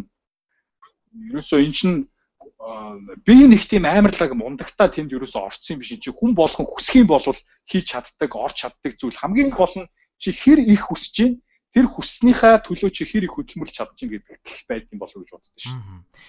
Таны одоо хамгийн анх тэр UDAP-т орох гээд бичижсэн тэр personal statement тэр эсэ дээр те та тэр нөгөө масл болон тэр чулуугаар тоглодог байсан жишээг ингээд би сонсоход бол та бүрийг нөгөө монголчууд хэлдэг тийм нарийн чимэглүүр бүр их гой зүйлийг сонгож аваад их нарийн сэтгээ те бицэн санагтлаа. Тэгээ түүнээс хойш таны та бас түрүүнд дурдлаа. Дараа нь болохоор яг энэ одоо таны Foster бизнесийн сургууль гэдэг те энэ сургууль бол ер нь бол дэлхийд баг ихний 10 март ордог уу да яг бизнесээ сургуулаараа. Тэгэхээр чи нэлээд өндөр шалгууртай байгаа. Та та тэгээ өөрөө сая дурдлаа. Тэр нөгөө critical thinking буюу шуун тунгаах чадвар гэдэг бол одоо Монгол хүмүүсийнх те одоо зүүнний сэтгэлгээ нэг өөр, тэгээ Америкуудынх одоо барууны сэтгэлгээ нэг өөр ингээд хэлж байна. Тэгэхээр тэрнээс би сонирхож байна л да. Яг ямар одоо энэ өөр шинж чанар байсан бэ? Та тэгээ түүнийг нь яг одоо хэрхэн олж харж бас яг тэр одоо дараагийн эсээгээ бичсэн бол А юу гэдэм бэлээ? Америк Америкуудын ерөнхийдөө шүүн тунгаах чадвар дээр хардаг зүйл нь болохоор гурван зүйл харт юм бэлээ. Нэгдүгээрт байгаа проблемыг зөв зохистой анализ хийж гин үү? Одоо тэр thinking process гэсэн үг л дээ. Одоо энэ нэг проблем байлаа гэхэд тэр проблема харж гин үү? Одоо юу гэдэг хүн хүмүүс бол ингээд нөгөө нэг хадуураад явцдаг гэдэг те. Нэг юмны талаар андуурч яхад асууж яхах нөгөө юмны талаар ингээд яриа явуучих юм уу. Тэрийг хардсан байлаа. Хоёрдугаарт болохоор а outside the box сэтгэж чадж гинөө. Тухайн өгсөн өгөгдлөөс гадуурх проблемыг бас харж чадж гинөө. Одоо юу гэдгийг тухайн үед миний надад иржсэн эссен дээр нэг нэг хот ингээд нөгөө цэвэр усны асуудлаа шийдэж чадхаа байсан. Цэвэр ус хомсдсон. Тэгээд нөгөө нэг одоо цэвэр усыг одоо нэг өөр нэг хотоос импортлох шаардлагатай болцсон байсан гэж нэг тийм байсан. Тэгээ импортлоход өндөр өртөгтэй байна яах вэ хүү. Тэгээ яг тухайн үед бол э, юу гэдэг ихэнх хүмүүс бол зөвхөн импортлоход өртөг өндрийн талаас нь ингээд э, анализ хийлээ гэхэд нөгөө outside the box боддог хүмүүс чинь за recycle дуус ашиглуул яах юм бэ тэ а мөн э, одоогийн байгаа усны нөөцөө бид нэр зөв зохистой хэрэглэж чаддгийг нүү ч гэдэг юм уу. Тиймэрхүү нөгөө outside the box thinking хайцгаас гаргаж сэтгэх өөр анализууд оруулаад ирчих واخ. За тэгээд гурав дахьт нь тухайн байгаа проблемыг одоо шийдэж чадчих нь үгүй юу? Үнэхээр юм одоо valid argument буюу те зохистой шийдвэр хийж чадсан уу үгүй юу? Тийм л гурван зүйл дээр бол ямар ч үсэн тэр эсээг бол анализ хийсэн юм байлаа. Тэгээ эхний хоёр удаад эхний нэг удаад би өгөхдөө бол өөрийгөө төөрж явсан байх гэж бодсон. Хоёр дахь удаад болохоор дэндүү нарийн сэтгсэн одоо яг тэр өгсөн өгдлөөр нь сэтгсэн байх гэж харсан. А гурав дахь дээр болохоор яг тэр гурвыгаа бол хараад хийсэн байх гэж боддог шүү. Таны одоо өмнөх жишээг сонсож байхад жишээ нь та нөгөө суши шеф болох энэ завшаа олдох үед яг сушины одоо том тогооч нь ахлах тогооч гэж хэлж болно шээ те болцоод та яг ингээд бүр ингээд above and beyond гэдэг шиг нэг илүү алхаад за бүр япон хэлээ сурчиж гэдэг юм уу? Бүр яг тэр та өөр хэлжээс яг profession буюу яг мэрэгжил гэдэг өнцгөөс нь хараад ингэжсэн ингээд тэгэхээр яг та бас яг ерөнхийдөө хувь хүний хувьд их хайрцагнаас гарч сэтгэдэм шиг надад санагдлаа л да тэгээд Америкт ингээд сурж байгаа та мэдж байгаа яг critical thinking гэдгийг ер нь бол яг одоо таны түрүүнд дурдсан яг тэр liberal liberal arts хичээлүүдэд авч явахд бол маш ихээр ухуулдаг штэ тий. Тэгээ тэгэхээр яахын аргагүй бүр ингээд сүултээ бүр юм болгоныг ингээд яг шүүж тунгааж бодоод эхэлдэг. Тэгэхээр ма тэгэхээр одоо таны зүгээр ажиглалтаар яг энэ шүүж тунгаах чадварыг та өөрийнхөө амьдралд тийм ээ ер нь өдөр тутамдаа хэрхэн хэрэгжилж байгаа юм шиг санагдаж байна одоо ингээд харахад Наач их гоё асуулт байна. Аа миний надад юу гэж бодогддог гэхээр одоо дэлхийд манлайлаад явж байгаа мундаг мундаг удирдгчид болон дэлхийн хамгийн топ баян хүмүүс бол тэдний янз бүрийн одоо technical skill буюу те тухайн одоо нарийн мэрэгчлээс илүүтэй тэр хүмүүсийн critical thinking буюу шүүн тунгаах, анализ гаргах чадвар бол маш өндөр хөгжсөн байд юм болов уу гэж боддог. Яагаад тийч байгаа гэхээр бид нар бүгдээрээ яг адилхан мэдээлэлтэй, яг адилхан технологитой, яг адилхан нийгэмд бид нар амьдарч байна. А гэтэл бусад хүмүүс зарим хүмүүс нь яагаад бусдаасаа ингэж илүү амжилттай яваад одоо тий санхүүгийн байдлаар ч юм уу ямар ч байдлаараа амжилттай яваа сайхан амьдраа болоод нэхэр тэр хүмүүсийн нөгөө байгаа өгөгдлийг анализ хийх мөн нөгөө шүүн тунгаах чадвар нь илүү өндөр өгчсөн байт юм болов уу гэж би боддیں۔ Аа тэгээд бас би одоо бас нэг жоохон ингээд нөгөө имзэглэж явдаг юм а ярил гэж бодож л та яг энэ нөгөө шүүн тунгаах асуудал тал дээр одоо ялангуяа би Монголд энэ social media их өндөр хурдцтай хүлээн аваад манай одоо монголч сая судалгаагаар юу гэлээ баг сая 500 мянга баг 2 сая хүн фейсбુકтэй байна. Ааха тийм баг шүү. Их тийм судалгаа би уншсан. Би буруу ярьж магадгүй. Аа тэгэд тэр бол үнэхээр сайхан сайн хэрэг байна. Манай монголчууд бол мэдээллийг хүлээж авах юм шин юм руу шуурхтаа бол үнэхээр юм ундаг. Одоо сүүл бас нэг би нөгөө фостерд маркетинг анги авч байхад манай Монгол гарч ирсэн гэдэг. Монголд бол шинэ бүтээгдэхүүн оруулах юм бол үнэхээр амжилттай явдаг гэдэг тийм зах зээлийн судалгаа хийсэн байгаа байхгүй. А гэхдээ тэр шинэ мэдээлэл орж ирэх, тэр шинэ бүтээгдэхүүн орж ирэх, тэр шинэ сервис орж ирэх хүмүүсийн шүүн тунгаах бодох тийм нөгөө мэлмийн жоохон хаалттай ажилладаг юм болов гэж үзсэн. Одоо наацх нь ямарваа нэгэн мэдээ гарч ирээд ямарваа нэгэн зүйл ингээ гараад ирэхэд хүмүүс за энэ мэдээ ямар вебсайт дээр байна? Хаанаас гарсан мэдээ байна? ямар ажендатай мэдээ байна? Аль талаас нь яриад байгаа юм шиг байна? Гэл ингээд хүн нэг жоох нөгөө нэг яагаад гэдэг тийм асуулт тавьж юмд хандах хэрэгтэй болов гэж би хувийнхээ үед боддتي. Энэ бол яг би нөгөө нэг Америкт авсан скил واخгүй нөгөө Америкийн сургуульд авсан скил. Асуудал хандах хандлага гэдэг чинь. А би Монголд ингээд Америкт би сургууль явгүй Монголд байсан бол би яг л адилхан хандах байсан баг. Ёстой л нөгөө нэг Монгол ялна гэж тийгүүд Монгол ялна ураа гэж юу юм бэ? Та нар те? Ийм биш. Монгол Монгол цус Монгол үндэстэн гэл. Ингээд явах л байсан баг. Гэхдээ нөгөө Америкт авсан ганц одоо нэр халахах зүйл бол тэр юм болоо даа л гэж боддیں۔ Одоо э, тэгээд бас сүүлийн үед одоо манай монголчууд их нөгөө санхүүгийн гэмт хэргийн золиос болж штэ. Янз бүрийн сүлжээний бизнес тэгэл 9 шидийн юмны золиос болж мөнгө алддаг. Ингээ ядчихад мөнгө муутай тий. Тэгээ ядчихад нөгөө юмыг шүүн тунгаах мэлмийн жоохон хаалттай байгаасаа болоод бас айгүй их мөнгө алдах юм аа. Одоо зүгээр л ингээл анхны наацх нь нэг нөхөр гарч ирэл за та манай төрөнг оруулах юм бол сарын 40% ашиг өгнө гэдэг чинь одоо юу гэсэн үг юм бэ? Сарын 40% ашиг өгнө та 5 хүнд ороо илсүүлээ та машинтай болно гэл. Ингээл тийм юм яриад эхлэхэд нөгөө хүмүүс чинь хамгийн наацх нь юу бодож явах ёстой гэхээр за сарын 40% ашиг өгдөг амар мундаг бизнес юм бол яагаад дэлхийд гарч ирээгүй? Дэлхийн мундаг мундаг хөрөнгө оруулагчдаас мөнгө татаагүй? Нөгөө муу энгийн ард иргэд биднээс татаад байна гэдгийг бодох хэрэгтэй байхгүй. Нэгдүгээр хоёрдугаар үнэхээр сарын 40% ашиг өгдөг байсан бол яагаад энэ дэлхийн мундаг мундаг сангууд, том том банкуд, Goldman Sachs одоо бусад том том hedge fund одоо JP Morgan гэдэг юм те. Эдгээр чинь яагаад жилийн 20% ашиг хийсэндээ бүр баярлаад байна. Тэ? Гэтэл үнэхээр тийм сарын 40% ашиг гэдэг бизнес байгаа болоод чи хүн болгол орох хэрэгтэй үстэй. Гэл ингээд нэг жоохон ингээд шүүн тунгааш бодоод за тэгээд энэ бизнес модель нь юу юм бэ? яаж ашигаа өгд юм бэ гэл ингээд бодоод ирэхэд чи нэх тийм амар хэцүү бодох зүйл биш байхгүй юу? Зүгээр л өстой нөгөө мөнгө харагдаал ашиг хийн гэдг нь бодогдоол тэгэл өстой харанхуу дайч тийм шиг надад санагдав. Тэгээ одоо маш их одоо сүлжээний бизнес хүмүүс мөнгө алдлаа дээ. Тэгээ одоо сая сүүлд ингээл forex trading гэл ингээл хүмүүс бас их мөнгө алдлаа. Ингээд ингээд тахаар ч нөгөө сүүл рүүгээ одоо мань митэн те үнэхээр Монголд одоо ингээд Америк сан байгуулад Монголынхоо ард иргэдийн мөнгийг татаад Америкийн хөрөнгө оруулалт хийгээд ингээ өсгөөд үржүүлээд өгөхээр нөгөө хүмүүс ч айл хэдий оо наа чин болов өврөөл гэдэг сэтгэлгээд болчих гээд байгаа юм. Тийм учраас юмд их аналитиктэй одоо critical thinkingтэй шүүн тунгаах тийм чадамжтай хармаар байна. Одоо common common sense гэж юм байна шүү дээ. Хамгийн наад захын зүйл гэдэг юмыг л хүмүүс жоохон бодож мэдчих хэвээр юм шиг надад санагдав. Тэхийн тулд одоо яах хэвээр юм магадгүй мэдээ мэдээ сонирсдгүүл сайн уншиж байгаа хэрэгтэй байх, ном зохиол сайн уншиж байгаа хэрэгтэй байх тий. тэгжиж бас тийм олон талаас харах өнцгтөл болох байл хүү дээ.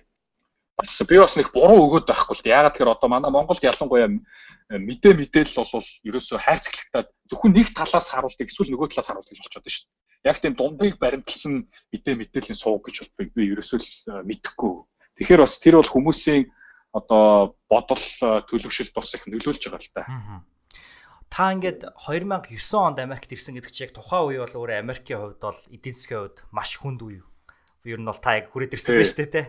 Тэгээ тэр үед нь болохоор та ихэнх хүмүүс ингээд доошоо уруудж яхад та бол яг өстой 0-оос эхлээд дээшээгээ өгсөөл цалингааны мүлэл ингээ явж исэн гэхээр нэг төрлийн маш гайхалтай түүх байгаа. Тэгээд бас та та түрүү ингээ хэлж ингээ маш олон монголчуудын ихтгэл ингээд алдарч байна. Ягаад тэгэхээр маш их одоо лөөвөр гэж хэлж болно те. Ийм их лөөврүүд газар авч байна. Тэгэхээр бас эргээгээд нөгөө энэ хүмүүсийн маань гол шалтгаан юу гэхээр магадгүй буруу карьерийн сонголт ч юм уу те. Өөртөө одоо яг хэрхэн яг одоо юу гэдгийг амьдралаа зөв аавд явах уу гэдэг дээр яг буруу карьерийн сонголтын золиосонд болоод ч юм уу ингээд явж идэг юм шиг санагдаг тийм түгээмэлчээд олон байдаг. Тэгэхээр таны хувьд бол маш олон ийм зүйлүүдээс зах зугаас нь ингээд одоо мэдэрч байгаа. Зүгээр судлах биш бүр дотор нь орж мэдэрч байгаа. Тэгээ яг өөрийнхөө ирээдүг бол ингээд за би юу нэг энэ талд их чадах юм байна гэдэг ингээд ухамсарлах ийм гайхалтай түүхтэй байгаа учраас таны хувьд одоо залуучуудад өгөх карьер сонголтын зөвлөгөө юу аах бол ер нь яг хаанаас бүр эхлэх ёстой вэ? Аа их гоё асуулт байна. Надад бас надаас их манай дүүнер их асууд юм а. Би тэгээд нөгөө хүн болгоно руу мессеж чаддгүй болохоор одоо яг ингээд нийцэд нь хариулчих. За тэгээ. Аа аа би нэг хитэн хитэн зүйлийн талаар яриа. Нэгдүгээр зүйл болохоор аа карьер сонгохдоо те би за магадгүй бүр юм том зургаас нь авч үзэх юм бол хүн карьер сонгохдоо хүний карьер гэдэг чинь насан туршдаа хийх зүйл шүү дээ. Амьдралынхаа туршид чи тэр юм а тэр тэр карьераа л хийсээр байгаад үхэн гэж одоо тооц бодъё те А тэгэхээр тэрийг чи сонгохын тулд би юуны төлөө амьдраад байгаа бэ гэдгийг өөрөөсөө их асуу. Эхлээд асуух хэрэгтэй. Юуны төлөө амьдраад байгаа? Би энэ хорууд яах гэж ирсэн, тэ? Тэр зорилгыг тодорхойлох хэрэгтэй юм санагч. Бид нэр ингээд хүмүүс ерөөсөө өөртөөгөө ярьдгүй юм санагддаг байхгүй өөртөө нөгөө зориг тавьж тодорхойлох ингээд ихэнх хүмүүс нөгөө өөртөөгөө ярьж зориг тавьж тодорхойлохгүй учраас нөгөө дургу ажиллаа насан туршдаа хийгээд те Тэгээ ингээл өө би өстө гэр бүлээ гадлаа гэр бүлэл тижих гэж явж ингээл айгүй тийм айгүй нөгөө нэг сайд miserable юм яриад идэх байхгүй. Одоо надад сонголт байхгүй би гэр бүлэл тижиж чинь. Тэ? Гэтэл чи нэг зүйлээ зүйл ингээ насан туршдаа нэг зүйл хүсэж явсан насан туршдаа нэг зүйл хиймээр байсан гэтэл чи тэрийг хийж чадахгүй явсаар байгаад үхэн гэдэг бол айгүй тийм харамсалтай зүйл байхгүй те. Тэгэхээр нэгдүгээр би юуны төлөө яах гэж амьдраад байгаа юм бэ гэдгийг тодорхойлох хэрэгтэй болов байна. Аа би тэрийг өөрөөсөө яаж тодорхойлсон гэхээр би юу яа. Би нөгөө айгүй их түүх их сонирхолтой. Одоо надад их түүхийн номнууд их гоё байдаг. Би түүх их уншдаг. Тэгээд а түүхэнд нөгөө үлдсэн хүмүүсийн намтар мантар их айгүй гоё санагдав. Тэгээд би болохоор за би ерөөсөө түүхэнд үлтгэл хүн болъё гэж хамгийн анх бодсон зорьсон. Миний миний нэрээр нэг тэг ганц гудам нэрлээсэ. Тэг мөнхчингийн гудам мөнхчингийн гудамд 100 мянган айл амьдраасаа л гэж би хүссэн бохгүй. А тэхийн тулд би яах ёстой юм гэхээр энэ үед одоо нэг тийм амар дайн дажин болоод одоо нөгөө Их Британаас Индиаг чөлөөлөх гэдэг Махамад Гандигийн үе мүү байхгүй шүү дээ. Тэгэхээр энэ үед би яах ёстой юм гэхээр би ерөөсөө мөнгөтөөлөн болох ёстой юм. Би ерөөсөө өөрөө би ихлээр санхүүгийн эдийн засаг санхүүгийн эрхчлөөд хүрэх ёстой байна. Санхүүгийн эдийн эрхчлөөд хүрснийхаа дараа би тэ олон хүмүүсийг би баяж баяжуулах эсвэл би олон хүмүүсийг хөрөнгө мөнгөтэй болоход туслах эсвэл би бас тий олон хүмүүсийг гэр оронтой болгох ч гэдэг юм уу. Тиймэрхүү сайн зүйлсүүдийг хийж нийгэмдээ би эрэг өөрчлөлтийг авчрах хэрэгтэй байна л гэж би анх өөрийгөө тодорхойлсон байхгүй. Юуны төлөө амьдраад байгаа юм. Мэдээж хүн үр хүүхдтэйгээ төлөө амьдрын тэр бол хүн болгоны хийлэг зүйл те. Тэрнээс гадна юма бодох хэрэгтэй юм санагч. Аа тэгээ хоёр дахь хоёр дахь зүйл нь юу вэ гэхээр өөрийнхөө нөгөө нэг сайн одоо бусдаас давуу зан чанарыг олж харж нээх ёстой болов уу гэж бодож одоо энэ зах зээл ялангуяа энэ ажлын зах зээл дээр чинь ингээд бүгдээрээ л нэг адилхан мэрэгжилтэй бүгдээрээ л нэг адилхан юм хийж чаддаг байгаад нэг нэгнээсээ илүү гарч чадахгүй шүү дээ. Аа бас яг нөгөө талаас бас нэг нэгнээсээ илүү гараад бүгдээрээ нэг гоё юм хийгээд байвал нөгөө ажлыг чинь хэн хийх вүлээ те. Тэгэхээр нөгөө амьдралын зорилгоо тодорхойлцсон байна. Хүн болох нэг тийм амарлаг мундаг зорилготой хаалбгүй шүү дээ. Би нэг ийм л ингээл амьдарч явах нэг ийм ажил хийж байгаад ингэж яах юмсан гэдээ гой зорилгоо тодорхойлцсон болвол Хоёрдугаарт өөрийнхөө тэр яг сайн илүү давуу зан чанараа бол төлөв одоо тогтоож илрүүлээ тэрнтэйгээ л уялдаатай мэрэгжил сонгох ёстой болов уу гэж бодож байна. Миний хувьд за би одоо өөр төр л ярив те надад надтай одоо хамгийн ойрхон хүн бол би өөрөө би өөрийгөө л маш сайн мэднэ. Миний хувьд болохоор би айгүй багасаа тийм энерги өндөртэй хүүхэд байсан байхгүй. Альва зүйлд айгүй энерги өндөртэй, айгүй passionate. Нэг ингээ бариад авсан юм а дуусах гэдэг ингээ бүр эцсийн үзэх зоригтой. Нэгдүгээр хоёрдугаар бас математикт их э, дажгүй байсан. Зүү тогтол гэдэг юмыг бас их олоод харцдаг байсан. Тэгээд би нөгөө тооны олимпиад олимпиад их ордог байсан л та. Аа тэгээд тийм байсан учраас би санхүү тал руугаа би ингээд сонирхоод угаасаа би нөгөө мөнгөнд дуртай тий. Нөгөө баяжих гэдэг хүн шүү дээ. Тийм учраас би баяжих за би ийм юмд сайн би санхүү одоо би математик тоондоо сайн айгүй passionate би өндөр энергитэй би айгүй олон цагаар ажиллаж чадна. А тэгэнгүүт би одоо айгүй санхүүгийн эрхчлөөнд хүрэх хэрэгтэй хамгийн дөрөв тэгжиж би одоо бусад хүмүүсийн амьдралыг сайхан болгоно гэдэг ингээд нөгөө тодорхойлсон юм чинь. За тэгвэл мөнгөнд тайртай болж байгаа юм л та нэгсэн дөө тий. Тэгэхээр мөнгийг контролддог, мөнгийг өсгөдөг, мөнгийг үржүүлдэг ямар мэрэгжил байх вэ гэж яхахлаар ялцгүй л нөгөө нэг санхүүгийн мэрэгчлэр л орж байгаа юм л та. Нэгжил би анх карьерээ сонгочихсон. За тэгээд ингээд карьерээ сонгочоод гурав дахь зүйл би юу хэлэх гээд байна гэхээр чиний сонгосон карьер зөв карьер үү гэдгээ яг одоо confirm хийж баттгах хэрэгтэй. Тэрийг яаж баттгах юм гэхээр ерөөсөө л internship, дадлага. Одоо ялангуяа Америкт юм уу гадаадд байгаа хүүхдүүд бол нэгдүгээр курсээ төгсөөл та нарт дадлага хийж болно шүү дээ. Хүмүүс болохоор дадлага юм гэхээр заавал нөгөө төгсөх курсын оюутан 3 дугаар курст байхдаа хийнэ гэж боддог. Тэр бол өстой үгүй шүү ерөөсөл та нар дадлага хийх хүсэлтээ гаргаад бүр үнгүүч хамаагүй ажил те цалин ч авахгүй хамаагүй дадлага хийгээд ажиллаад тухайн одоо чи үнэхээр аккаунтант үнэхээр одоо нярав няпо болох гээд байгаа юм бол няпогийн няпогийн одоо хажуу дадлага хийгээд үзэлтэй. Тэгэхэд тэр хүн үнэхээр өстой үнийн стресстэй ажил амар өдөртэй ажил байна гэж чи нэгдүгээр курстэй л тэрийг ойлгочих юм бол чи дараагийн карьер одоо өөрчлөх зүйл рүүгээ явна шүү дээ.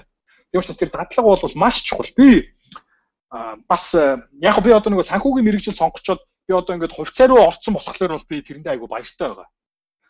Би яг corporate finance-аар явсан бол ёо би харамсаж өгөхөөсөн баг. Яах гэж би санхүүгээр төгсүүлэх байсан баг. Яг тэгэхээр би нөгөө сургуулаа төгсөөд би тухайн үед чинь ямар ч интерншип, интерншип дадлага мадлага хийж байгаагүй. Ягаад тэгэхээр би чинь бас гэр бүлээ тижээ хэрэгтэй, үр хөвгтэй те тижээ хэрэгтэй хажуугаар нь би ингээд амьдралын зардал олох хэрэгтэй. Бас манай эхнэр бас Юдабад орцсон тухайн үед бас давхар. Тэгээ би эхнэрийнхээ сургуулийн төлбөрийг бас төлдөг байсан. Тэгэл тийм байсан учраас надад дадлагыг бол ямар ч боломж олдоогүй. Тэгээд хамгийн анхны авсан ажил маань сургуулаа төгсөө би нэг Russell Investments гэдэг компанид ажилд орчихсон байхгүй. Тэр бол үнэхээр сайхан том 400 500 тэрбум долларын актив хөрөнгөтэй айгүй мундаг компани байсан. А гэтэл яг нөгөө нэг миний сурч боловсрч тийм ажил хий гэж зорьсон зүйл маань яг ороод нөгөө ажил дээр гараад хийгээд үтсэн чи ёо өстө өөдөж ухмаар ажиллав. Аха. Би бол тухайн үед ёо ийм юмний төлөө нэрэ 6 жил сургууль сурах гэж тэл гэж бодож ирсэн. Яг нэг нүгөө ярихад. Тэгээд зүгээр ингээ Excel sheet-эн дээр те ингээ хитэн тоо бодоол ингээл ёо аричтэй л гэж бодсон. Тэгэхээр би бол яг ингээ нөгөө хувьцаа руу хөрөнгө оруулалт тал руу ингээ өөрийнхөө нөгөө passionate юм руу ороод явцсан болохоор энэ бол миний хувьд бол сайн фундамент болж гисэн одоо санхүүгээр зураад бүх энэ компани үнэлгээг яаж гаргахын компани орлого зарлах гэж юу юм те? Энэ бүхний чинь ингээ нөгөө сурчгаар надад айгүй гоё фаундейшн болчихж байгаа байхгүй хувьцаа хийхэд. Одоо шал өөр мэрэгжлийн хүн хувьцаа хийхэд бол жоохон харанхуй санагдаад явчих штэ энэ компани одоо EPS earnings гэхэд юу юм те ойлгохгүй л болоод эхэлнэ. Тийм учраас тэр бол би тэрэнд бол би айгүй азтай. Тэгэхээр а карьераа одоо баттгах нь их чухал. За карьераа баттгахтаа баттгахад ингээд сураад яваад ажил дээр гараад үнэхээр одон нь бол сайн мундаг байна те. За карьер чинь чиний сонгосон карьер чиний хүссэн юм биш байна гэвэл яах вэ? Зүгээр өөрчил. Зүгээр л өөрчил. Тэрэнд ерөөсөө тэр аав, ээж, мэж, гэр орныхны юу гэж бодох тэр бол өстой Энэ бол чиний амьдрал. Ирээдүйд чиний аав ээж чиний амьдралыг амьдрахгүй чиний ах дүүс чиний найз нөхөд чиний амьдралыг амьдрахгүй. Чи зөвхөн өөрийнхөө л амьдралыг чи өөрөө л амьдрна. Тийм учраас чи өөрийнхөө сонголтыг өөрөө л хийх хэрэгтэй. Ялангуяа карьер тал дээр. Одоо надад бас нөгөө жоохон буруу санагддаг зүйл. Манай ерөнхийдөө нөгөө Аз соёл, Монгол соёлтой хүүхдүүдтэй ийм мэрэгчлээс сур гэж айгүй тулгадаг тийм. Тэгээд дээрэс нь одоо бас нэг үр хүүхдүүд нь нөгөө нэг аав ээжийнхаа бүтээж чадаагүй мөрөөдлийг биелүүлэх ёстой ч юм шиг тэр хүмүүсийн одоо амьдралаар амьдрах хүссэн амьдралаар амьдрах ёстой юм шиг тийм байдаг шүү дээ. Тэр бол миний бодлоор бол миний миний л бодлоор яг надтай санал хэлэх хүмүүс биш. Миний л бодлоор бол тэр бол маш буруу зүйл хүүхдээ бол ерөөсөө тэр карьер сонголт тэр тал руу эрхчлөөтэй байх хэрэгтэй. Аа. Хүн буруу зүйл сонгоод одоо одоо юу юм те одоо ингээл хүмүүс чинь нөгөө нэг Америкт бол ялангуяа жүжигчин тэгэл нөгөө хөгжим төгжим зохиолч мохиолч хүмүүсийн чинь шоолт шүү дээ. Холливуудын годамжаар дүүрэн гэр оронгүй жүжигчд байна гэж шүү дээ. Тэгээд сонгоод хүн тэр мэрэгчлийг сонгоод хоолоо олж идэж явахгүй байлаа ч гэсэн тэр хүн тэр мэрэгчлэр яваад алдаж оноод өөрөө үзэх ёстой зүйлээ үзээ сурах ёстой зүйлээ сурах юм бол дараагийнхаа карьерт тэр хүн хамаагүй сэтгэл хангалуун байна гэж бодлоо. Тийм учраас тэр карьер сонголтын тал дээр бол ерөөсөө эрхчлөөдөө ханд бити аав ээжийнхээ тулгалтыг сонс. Одоо ээжигээ одоо муу хэлхэн чашаа манай ээж бол намайг эмчлүүл гэж хэлдэг байсан. Би эмч болсон бол байсан бол ёстой нөгөө юу гэ тайчиг нь эзэн дотор нь хийгээл орчих байсан баг. Тэгэхээр тэ карьерийн тал дээр бол үнэхээр өөрөө эрхчлөөтэй сонголтоо хэрэгтэй. За би ерөнхийдөө энэ карьерийн тал дээр нэг 5 зүйл ярьлаа тий. Тэрийг бол залуучууд маань ойлгосон байхаа. Тий. Хамгийн л одоо чухал ойлгох ёстой зүйл хүмүүс мэрэгжил сонголтын дээр айгүй гоомаа хандааддаг юу? За нэг иймэрхүү юмар явчих та гэдэг. Үгүй эн чин чи ингэ бодлоо. За бид нэр 10 жил сургууль сурсан. Яа fuck 10 жил бүтэн 10 жил сургууль сураад нэрээ гэж боддоо штэ. Гэтэл та нар карьерээ сонгочоод хүсээгүй карьерээ та нар бүтэн насаараа амьдрна гэж боддог. Ямар ямар одоо уйдахтай амьдрал өдөрч чинь. Өөрийнхөө дургуй ажлыг та нар 50 60 жил хийнэ гэж бодолт зүгээр төсөөлөд үзтээ. Тэгэхээр карьер сонголт бол маш сериосны шийдвэр. Тэрийг бол хүн зөв шийдэх хэрэгтэй. А буруу шийдвэр гаргацсан бол өөрчлөлтөөс шинжилтээс айхгүй байх хэрэгтэй. За тэгээд сонгосон карьераа үнэхэрийн өөрийн хүсэл зоригтой зүйлтэй хүн үнэхээр л хүсэл зоригтойгоор одоо зүтгэж ажиллаж тэр passion хүсэл тэмүүллээрээ байж чадах юм бол хүн бол амжилтанд хүрнэ. Би амжилтанд хүрдэг одоо хүмүүсийн жишээ бол надад маш их байгаа. Тэрийг одоо ярьж уншаад яг хав таарч гисэн битэн те. Монголд магадгүй одоо юу гэдэг хошин шогийн жүжигчин болно гэхэд аав ээж нь заа чи хошин шогоор хоол олж идэхгүй идэхгүй л гэдэг байсан байж болно шүү. Аа Тэгэл одоо ингэ шинэ залуу огшин шогж үжигтэй харалт алж байгаа биз дээ. Тэ? Тэгэхээр тийм байна. Одоо карьер сонголт нь бол ийм л юм хэлэх байна. Та карьераа сонгочоод карьераа баттгах ер нь хэрэгтэй гэдэг тэгж хэлсэн те. Тэгэхээр таны магадгүй карьераа тэгэхэд баттгах түүхүүдийнх нь нэг нь мөнгөчин ба алин байсан болов гэж би бодож байна л та. Тэгэхээр олон хүнийг бас тань таныг бас яг энэ одоо түүхээр тань гэдэг юм уу? Яг энэ бизнесээр тань мэддэг. Тэгэхээр энэ одоо яг анх яаж эхэлсэн бэ? Ер нь баг хамгийн анхны зүйл байхтай яг өөрөө хийсэн бизнесийн хувьд. Тий. Тий. Яг уу мөгчин байлмаас өмнө би бас нэг авц сэлбэг мэлбэг Монгол руу оруулах нэг жижиг сажиг Монгол руу зардгал байсан нэг пүүз мүүз жижиг сажиг тийм сүртэй юм шээ. Тэгэл нэг аа юу гэдэг Amazon-оос аваад eBay дээр зардаг байдаг ч юм нэг тийм хөөх хөөх юм итгэл байсан. Тэр бол гэхдээ нэг жоохон цайны мөнгө төдийх юм л та нэг тийм амьдраад байхаар юм бол байгаагүй. Аа би ерөөсөө нөгөө сүши хийдэг бай. Сүши чинь айгүй нөгөө бие хүчний хөдөлмөртэй 10 цаг хөл дээрээ зогсно. Ингээ байнгын загас зүсэн ингээл надаас ингээл загас үнэртэй айгүй хэцүү ажил штэ. Тэнгүүт нь би ингэж боцох. За за хүн ерөөсөө юу юм байна. Энэ биеийн хүчний хөдөлмөрөөр ингэж бүх насаараа ажиллана гэдэг бол үнэхээр гонигтай зүйл юм байна. Тийм учраас би толгоогоо ажиллуулъя, би бизнес хийя. Тэ? а value create хийя гэдгийг би тухайн үед номноос олж уншиж ирсэн байхгүй. Хүнд чи value create хийж чадах юм бол үн цэнийг бий болгож чадах юм бол гэдэг дээ. Чи үн цэнийг бий болгож чадсан хүнд хөрөнгө мөнгө бол өөрөө хүрээд ирдэг юм аа гэдгийг би уншиж ирсэн байхгүй. Тэгээ би бодсон л та за би ямар үн цэн бий болгож болох вэ? Ям what kind of value can I create те? Тэгээ бодцол ингээл хамгийн ойр зүйл нь а монголчууд ерөнхийдөө гадаадаас орж ирж байгаа бараа бүтээгдэхүүнийг айгүй өндөр үнэтэй худалдаж авдаг байсан шүү дээ. Одоо л айгүй олон нөгөө нэг өсөлтөгч нартай болоод үнэ нь хямдраад байгаа болохоос биш. Тухайн үед бол яг намайг iPhone дөнгөж зарж эхлэхээс өмнө бол 650 долларын iPhone чинь ер нь TED дээр бол 950-аас 1000 доллараар зарагддаг гэсэн бохоо. тэгээд бас нэг тийм олон тоо хэмжээгээс зардггүй. Ерөнхийдөө манай одоо TED-ийн одоо дийлрүүд гэх юм уу та.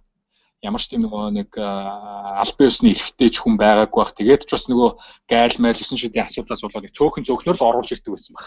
Тэгээ нөгөө цөөхөн байгаа iPhone чинь яг мэдээж үнэтэй л зарагдах байсан баг. Тэгээ би бодсон л доо за юу яа.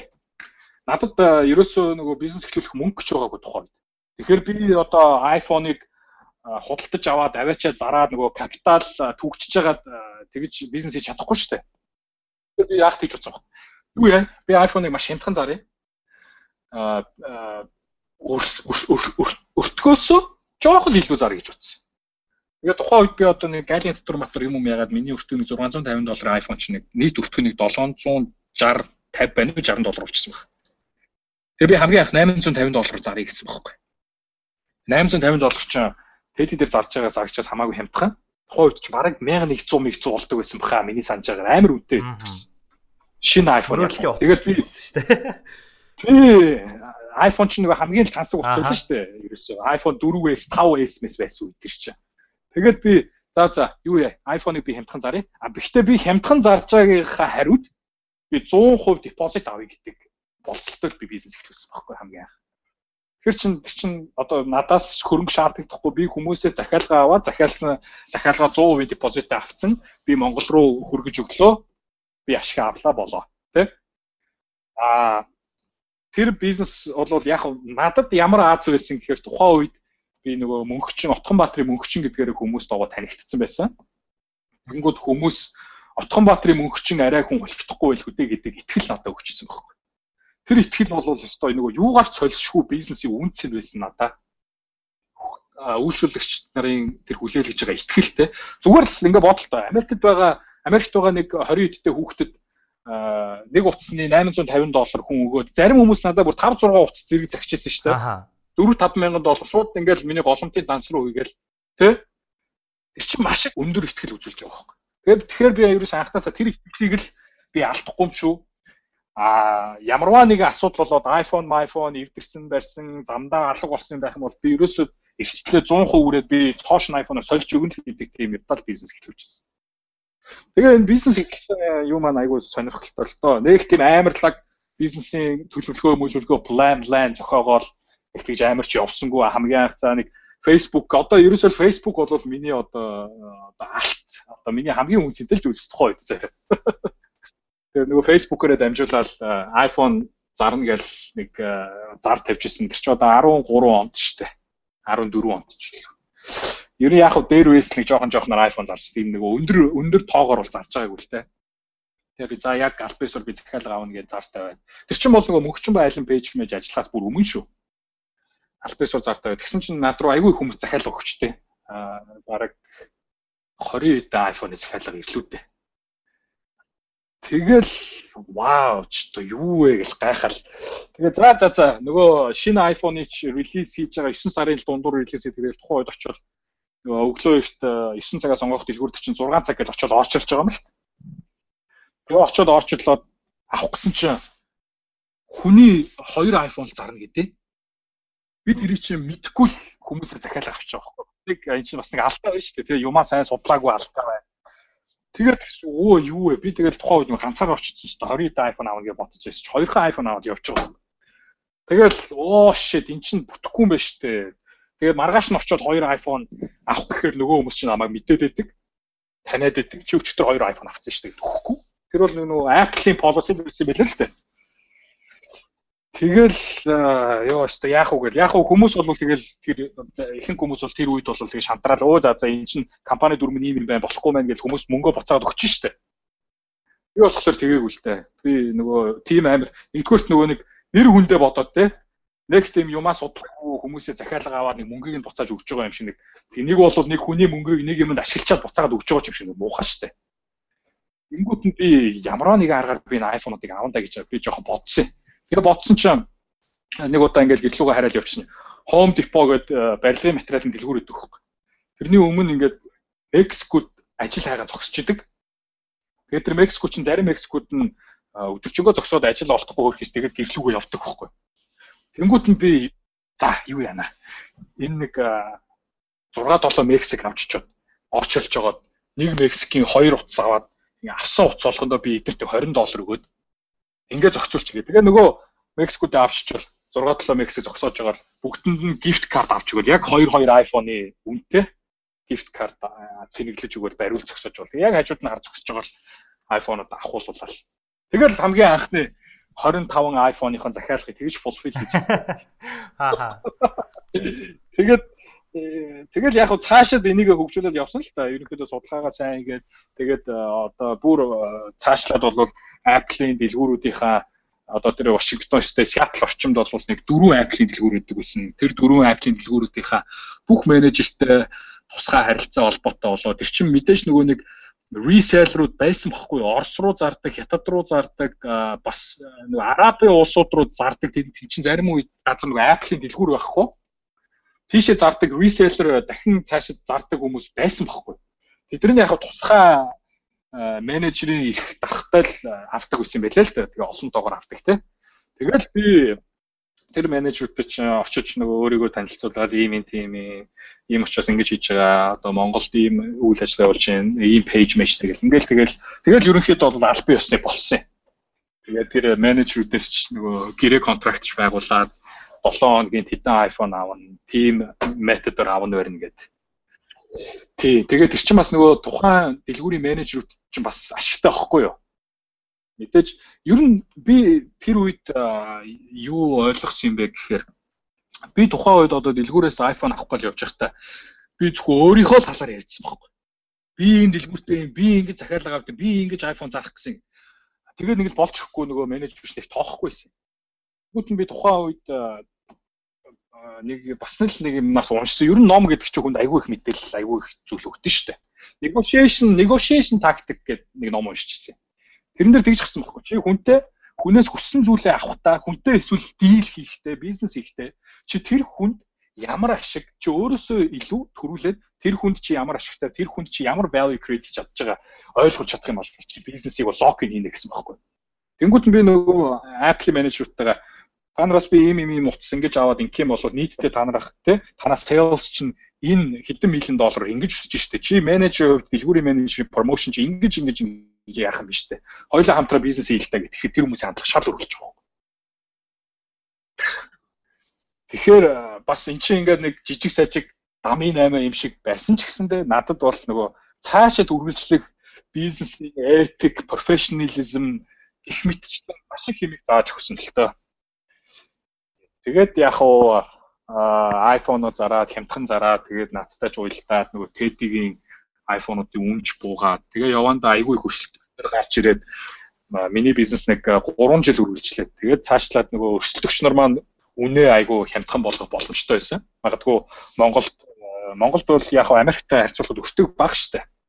Тийм учраас нөгөө өрсөлдөгч нар маань бага өртгөө өртөхөөр байдаг учраас яг өндөр ашиггүйч ажиллахад болно гэж бодсон уу. Тэгээд үн багасаар байгаа ерөнхийдөө тэгээд би бол за за миний э, цаг бол энэ бизнес хийгээд явхад бол worth it биш юм байна. Нэг тэмсгэртэй ашиг олохгүй байна. Би өөр юм хийх юм бол илүү ашигтай ажиллах юм гэдгээ бодсон учраас. Тэгээд Apple-ийн юу ганцаархаа болсон доо. Тэгээд ч бас нөгөө долларын үн өсөөд iPhone ч айгүй үнэтэй болцсон яаж бас захиалга айгүй багассан. Ер нь бол iPhone 7 7 Plus дээр л хамгийн их захиалга иржсэн дээ. 16 он 9 сар гэсэн үг шүү дээ. Тий. За тэгэхээр та яг энэ үеэс ахуулаад яг одоо мөнгөч байлмыг ингээ өндөрлүүлээд тэгээд яг одоо өмнө нь болохоор та бас энэ хугацаанд энэ corporate career гэдэг бол өстой таны хэлсээр өөдөж хөхмөр амьдрал байна гэж бодож исэн учраас өөр одоо карьерийг өөрийн гараараа бүтээхийг хүссэн байгаа те. Тэгэхээр хоёлаас цаг гаруй хугацаанд ярилцсан бай. Тэгэхээр сүүлд нь би яг одоо таны харин би бол өстой нүдэндээ таны амьдралыг төсөөлөл өстой сайхан байлаа. Тэгээд одоо төсөөлөгдөхийг хүсэж байгаа зүйл маань юу гэхээр та одоо өөдөж өхмээр биш амьдралаар амьдарч байгаа гэж би итгэж байна. Тэгээд Wall Street-ийн амьдралын хэм маяг те энэ бүхнийгээ бид нэр сонирхуулвал хизээ яаж эхлэв. Тэгээд хамгийн гол нь тэр өөдөж өхмээр corporate career амьдралаас хэрхэн ялгаатай байна вэ? Яг зөв. Одоо Wall Street-ийн энэ амьдрал чинь надад нөгөө нэг өглөө болгон шин өдөр, өглөө болгон шин мэдээ А за тэр мэдээ байхгүй болоо гэх зах зээл чинь өглөө болгон өчигдөртөөгөө одоо уйлдахгүйгээр шинээр одоо зүйл эргэлдэж болдог байхгүй. Тэр нь бол нэгдүгээр нөгөө boring биш. Дандаа шин зүйлтэй, шин мэдээ мэдээлэл ингээл шин хувьцаа гарлаа. Сая одоо Lyft IPO хийлээ.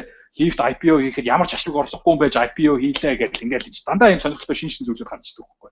Нэгдүгээр а хоёрдугаар болохоор а нөгөө нэг өөрөө юм хийж байгаа нөгөө өөрийн юм гэдэг чинь хүнд айгүй үнцэнтэй байдаг штэ. Одоо нэх мөнгө ихгүй байлаа ч гэсэн нэг сайхан дэлгүүр ажиллуулахад нөгөө өөрийн юм л гэдэг үл хүнд айгүй өндөр үнцэнтэй тий. Тэр байдлаас бас нөгөө нэг өөрөө өөртөө ажиллаж байгаа, өөрөө өөрийнхөө төлөө зүтгэж байгаа гэдэг бол маш их үнцэнтэй учраас бас их гоё байна. Аа за тэгээ гурав дахь бас нөгөө санхүүгийн үүднээс бол эн чинь зөв хийж чадчихаг өндөө бол маш өндөр ашиг өгөөчтэй байхгүй Би өмнө нь суши шеф хийгээд сар маха идээд би 6000 доллар олдог байсан бол зарим үед нэг өдрийн дотор ч тэр 6000-ыг хийх үе бол байна дээ. Тэгэхээр тэр чинь бас ер нь айгүй нөгөө motivation factor болж байгаа байхгүй. Тий. Тэгээд яг хөө мэдээж хувьцааны зах зээл дээр болвол шинээр орж ирж байгаа арилжаач трейдер хүмүүсийн 90% нь бол мөнгөө алдаад дуустдаг. 10% нь бол мөнгө мөнгө тий олдог хийгээд ингээд цаашид явдаг. Тийм учраас нөгөө 90% дотор багтчихгүй тулд байнгын одоо өөрийгөө хөгжүүлж явах, илүү шин одоо материал, стратеги сурч явах хэрэгтэй. Дээрээс нь ингээд зах зээл дээр үүсч бий болж байгаа кондишнуудтай байнга одоо уралдаж хүмүүсээс төрүүлж мэдчихэж л тэр зүйлсийг чинь одоо ашиг хийн штэ. Тийм учраас энэ бол нөгөө boring factor бол байхгүй болчих жоох.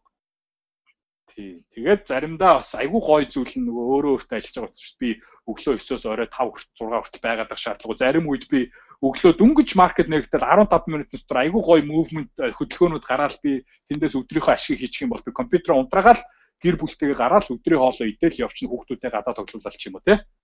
Тэгээд тэр чинь бас нөгөө ихчлээ байхгүй. Тэрийг бол өстой нөгөө юугаарч хэлшгүй сольшгүй зүйл. Тэгээ бас миний бас нэг өөрийгөө одоо би бас маш их азтай хүн гэж бодож. Яагаад тэгэхээр одоо би хоёр би сая сүүлд хүүтэй болсон. Баяр хүргэе. Манай хүү аа за баярлалаа. Нэг нас хагастай. Тэгээд одоо болвол би гэрээсээ гэрээ одоо оффист өөрийнхөө одоо гэрт оффист оффис дотроос ажилладаг учраас хүүтэйгээ байнга байх боломж надад олж байгаа байхгүй. Тэр бол бас олон аав ээж тохиолдод байдаггүй аз завшаа. Тэ өглөө гараад орой ирдэг. Тэгээл хүүхдээ ч хэр том болж байгаа яаж өсч хүмүүжж байгаа гэх юм. Тийм болохоор нөгөө тийм гоё гэр бүлтэйгээ бас их сайхан байх цаг хугацаа эрхчлөө бол надад бас их их гоё. Тэгээ одоо юу гэдэг одоо манай нэг найз хөгшөө Сингапурт ирчлээ чи энд хүрээд ирлээ хоёлоо тэ хэд хоног уулзсан ярэ Сингапураар аялыг зугаал ирэл тэгэхэд би оо давай окей гэл би юмнуудаа хаагаал явхад бол тэр эрхчлөө надад байдаг. Тэр л надад хамгийн сайхан. За тэгэхээр таны хоёлоо бас нилээд гүнзгий сэдвүүдээр ярилцаг байж магадгүй те зарим та нэг ямар нэг өнцгөөс харах юм бол. Гэхдээ би бас таны амьдралыг одоо буугаар хэлвэл удаан дагж байгаа ч гэдэг юм уу таныг гээд хараад ээждэг те сошиал медиагаар өгдөг хүний хувьд бол та бол маш их том том шатуудыг алхаад маш их ухаарлд хүрсэн ах шиг санагддаг. Тэгэхээр таны одоо зүгээр Instagram дээр хамгийн сүүлд бас ингээл оруулсан постыг харж байхад ч гэсэн less is more буюу илүү бага зүйл гэдэг бол илүү их зүйлийг өгдөг ч уу те тийм утгыг илэрхийлсэн ийм зүйл бичсэн байл та. Тэгэхээр таны жоохон Instagram-ыг уудалсан асуултыг асууя гэж бодож байна. Та яагаад яг энэ caption-ыг ингэж бичих болсон бэ? Less is more. А less is more. За одоо би яагаад тэгж бичих болсон бэ гэхээр сүүлийн үед нөгөө минималистик тийм давалгаа яваад байна да. Тэ минималистик амьдралаар амьдрах тэр бол миний хувьд айгүй зөв зүйл юм санагдтыг. Ягаад тэгэхээр хүн илүү их зүйлд шунаал, илүү их зүйлийг хүсээл нөгөө more юмны араас яваалах тусмаа байгаадаа сэтгэл хангалуун байж чадахгүй тухайн момент өнөөдрөө enjoyд чадахгүй амьдраад идэм болов уу гэж надад санагддаг байхгүй. Одоо тэр одоо ялангуяа энэ бол нөгөө нэг залуучууд болон бүсгүүчүүдийн зовлон шүү дээ. Хамгийн шинээр гарсан, хамгийн сүүлийн үед гарсан тэр фэшн, тэр цүнхийг авах хэрэгтэй, их хэрэгтэй, тэр машиныг унах хэрэгтэй гэдэг. Эн чинь нөгөө нэг fulfillment, амьдралын fulfillment гэдэг чинь эд материалыг зүйл рүүгээ яваад байгаа юм санагддаг байхгүй. Тэгээ миний хувьд би ягаад тийм пост дээр less is more гэж бичсэн хэрэг би тэр савхийг юу гэдэг 4 жилийн өмнө би авч ирсэн. Тийм амар өндөр үнээр ч авч байгаагүй бас ч нэг тийм хямдхан ч юм хөлгс авч аваагүй те. Нэг тийм амарлаг бол биш. А гэхдээ би тэр савхийг өмсөд явж байхад би айгүй гоё өөртөө ихтэй стайлис те стилтэй л харагдаж байгаа юм шиг надад өөртөө санагддаг байхгүй юу. Тэгэхээр хүн заавал тийм амар өндөр үнэтэй брэнд тийм тансаг зүйлээр хүн өөрийгөө чимлээ чимээдэх шаардлага байхгүй хүн өөрөө л гоё байх юм бол you can make that less look more те баг зүйлийг чи их чамин тансаг сайхан харагдуулж нөгөө хувцс бухан бие чөтгөр гэдэг чинь биш тэр чинь харин эсэргээр байхгүй Аа. би бухан хувцс чөтгөр тийм л үүднээс тийм пост хийсэн шээс их гоё сонирхолтой асуулт асуусан Аха. За дараагийн асуулт нь болохоор таны сторитой холбоотой. Та ингэж зээсэн. Та нарыг хүсэлтийн хариу гоё мэдээ дуулгана гэх. Тэр одоо бидэг бид бүхэнтэй дуулгаж болох уу? Аа. Хуваалцаж. Аа за би нэг яг өөрөө нөгөө нэг альбан ёсоор видео хийж 50 30-аас бас одоо нэг шеэр хиймээргүй байна. Аа за. А гэхдээ надаас маш олон залуучууд хөрөнгө оруулалт аваач гэдэг хүсэл тавьсан байхгүй. Аа нэгсэндээ юу гэсэн юм бэ гэхээр таны хөрөнгө оруулж байгаа хөрөнгө оруулалтууд болон таны арилжаанууд дунд чинь бид нэр мөнгөө хийя. Та авах ёстой ашгаа аваад биднэрт бас ашиг өгөөч л гэсэн тийм хүсэлтүүд аягүй хийсэн баг. Аа миний бодлоор Монголд бас тийм инвестмент аваад арилжаа хийж хүмүүс зөндөө байх шиг байлээ.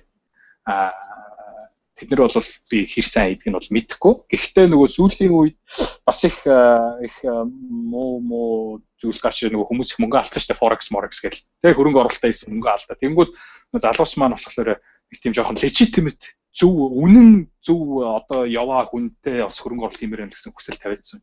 Тэгээ би тэр хүмүүсийн хариултыг л өгөх юм. Яг мэдээж баг баг л ойлгож байгаа. Би одоо ингээд MOT Wealth MOT Wealth Management гэдэг wealth management компани байгуулад явж чинь тэр хүмүүст хариу өгнө гэхээр тэгээд залуус бол баг гадарлаж байгаа үхтэй. Аа. Та видеогоор танилцуулга гэлээ. Тэгэхээр яг үнийг манай сонсогч нар орж мэдэх хугацаа яг хизээ бол.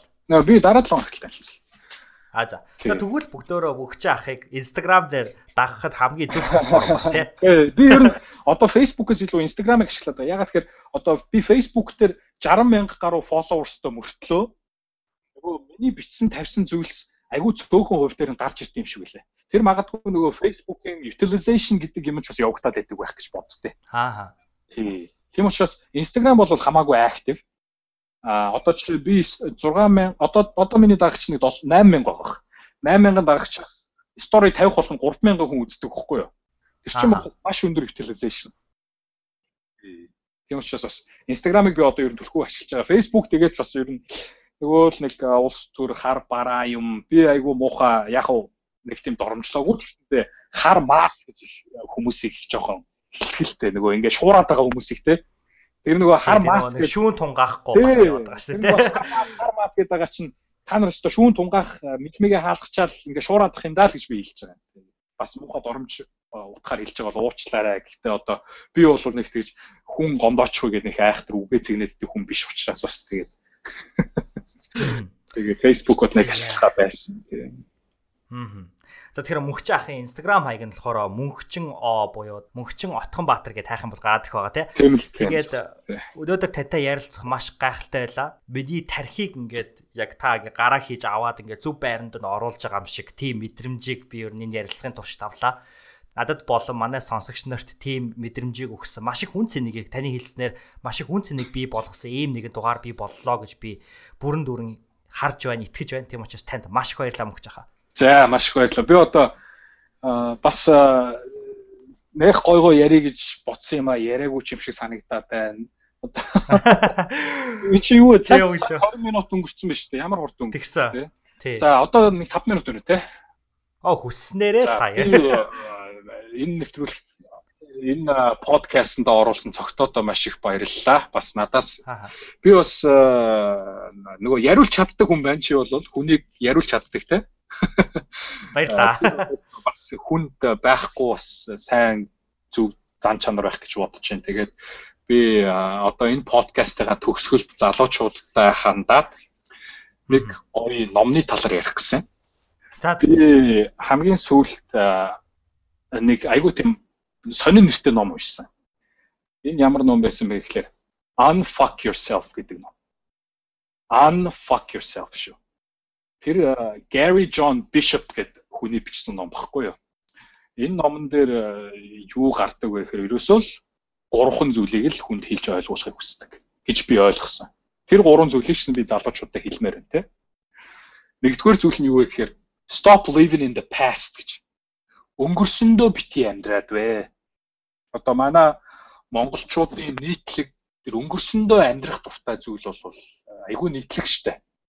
Нөгөө л нэг Монгол эзэнт гүрнээ ярьдаг, нөгөө л нэг 90 оноо ярьдаг, нөгөө л нэг рэп бүжгээ хийдэг, нөгөө л нэг тэ нөгөө л нэг гэж юмнууд айгүй их байдаг.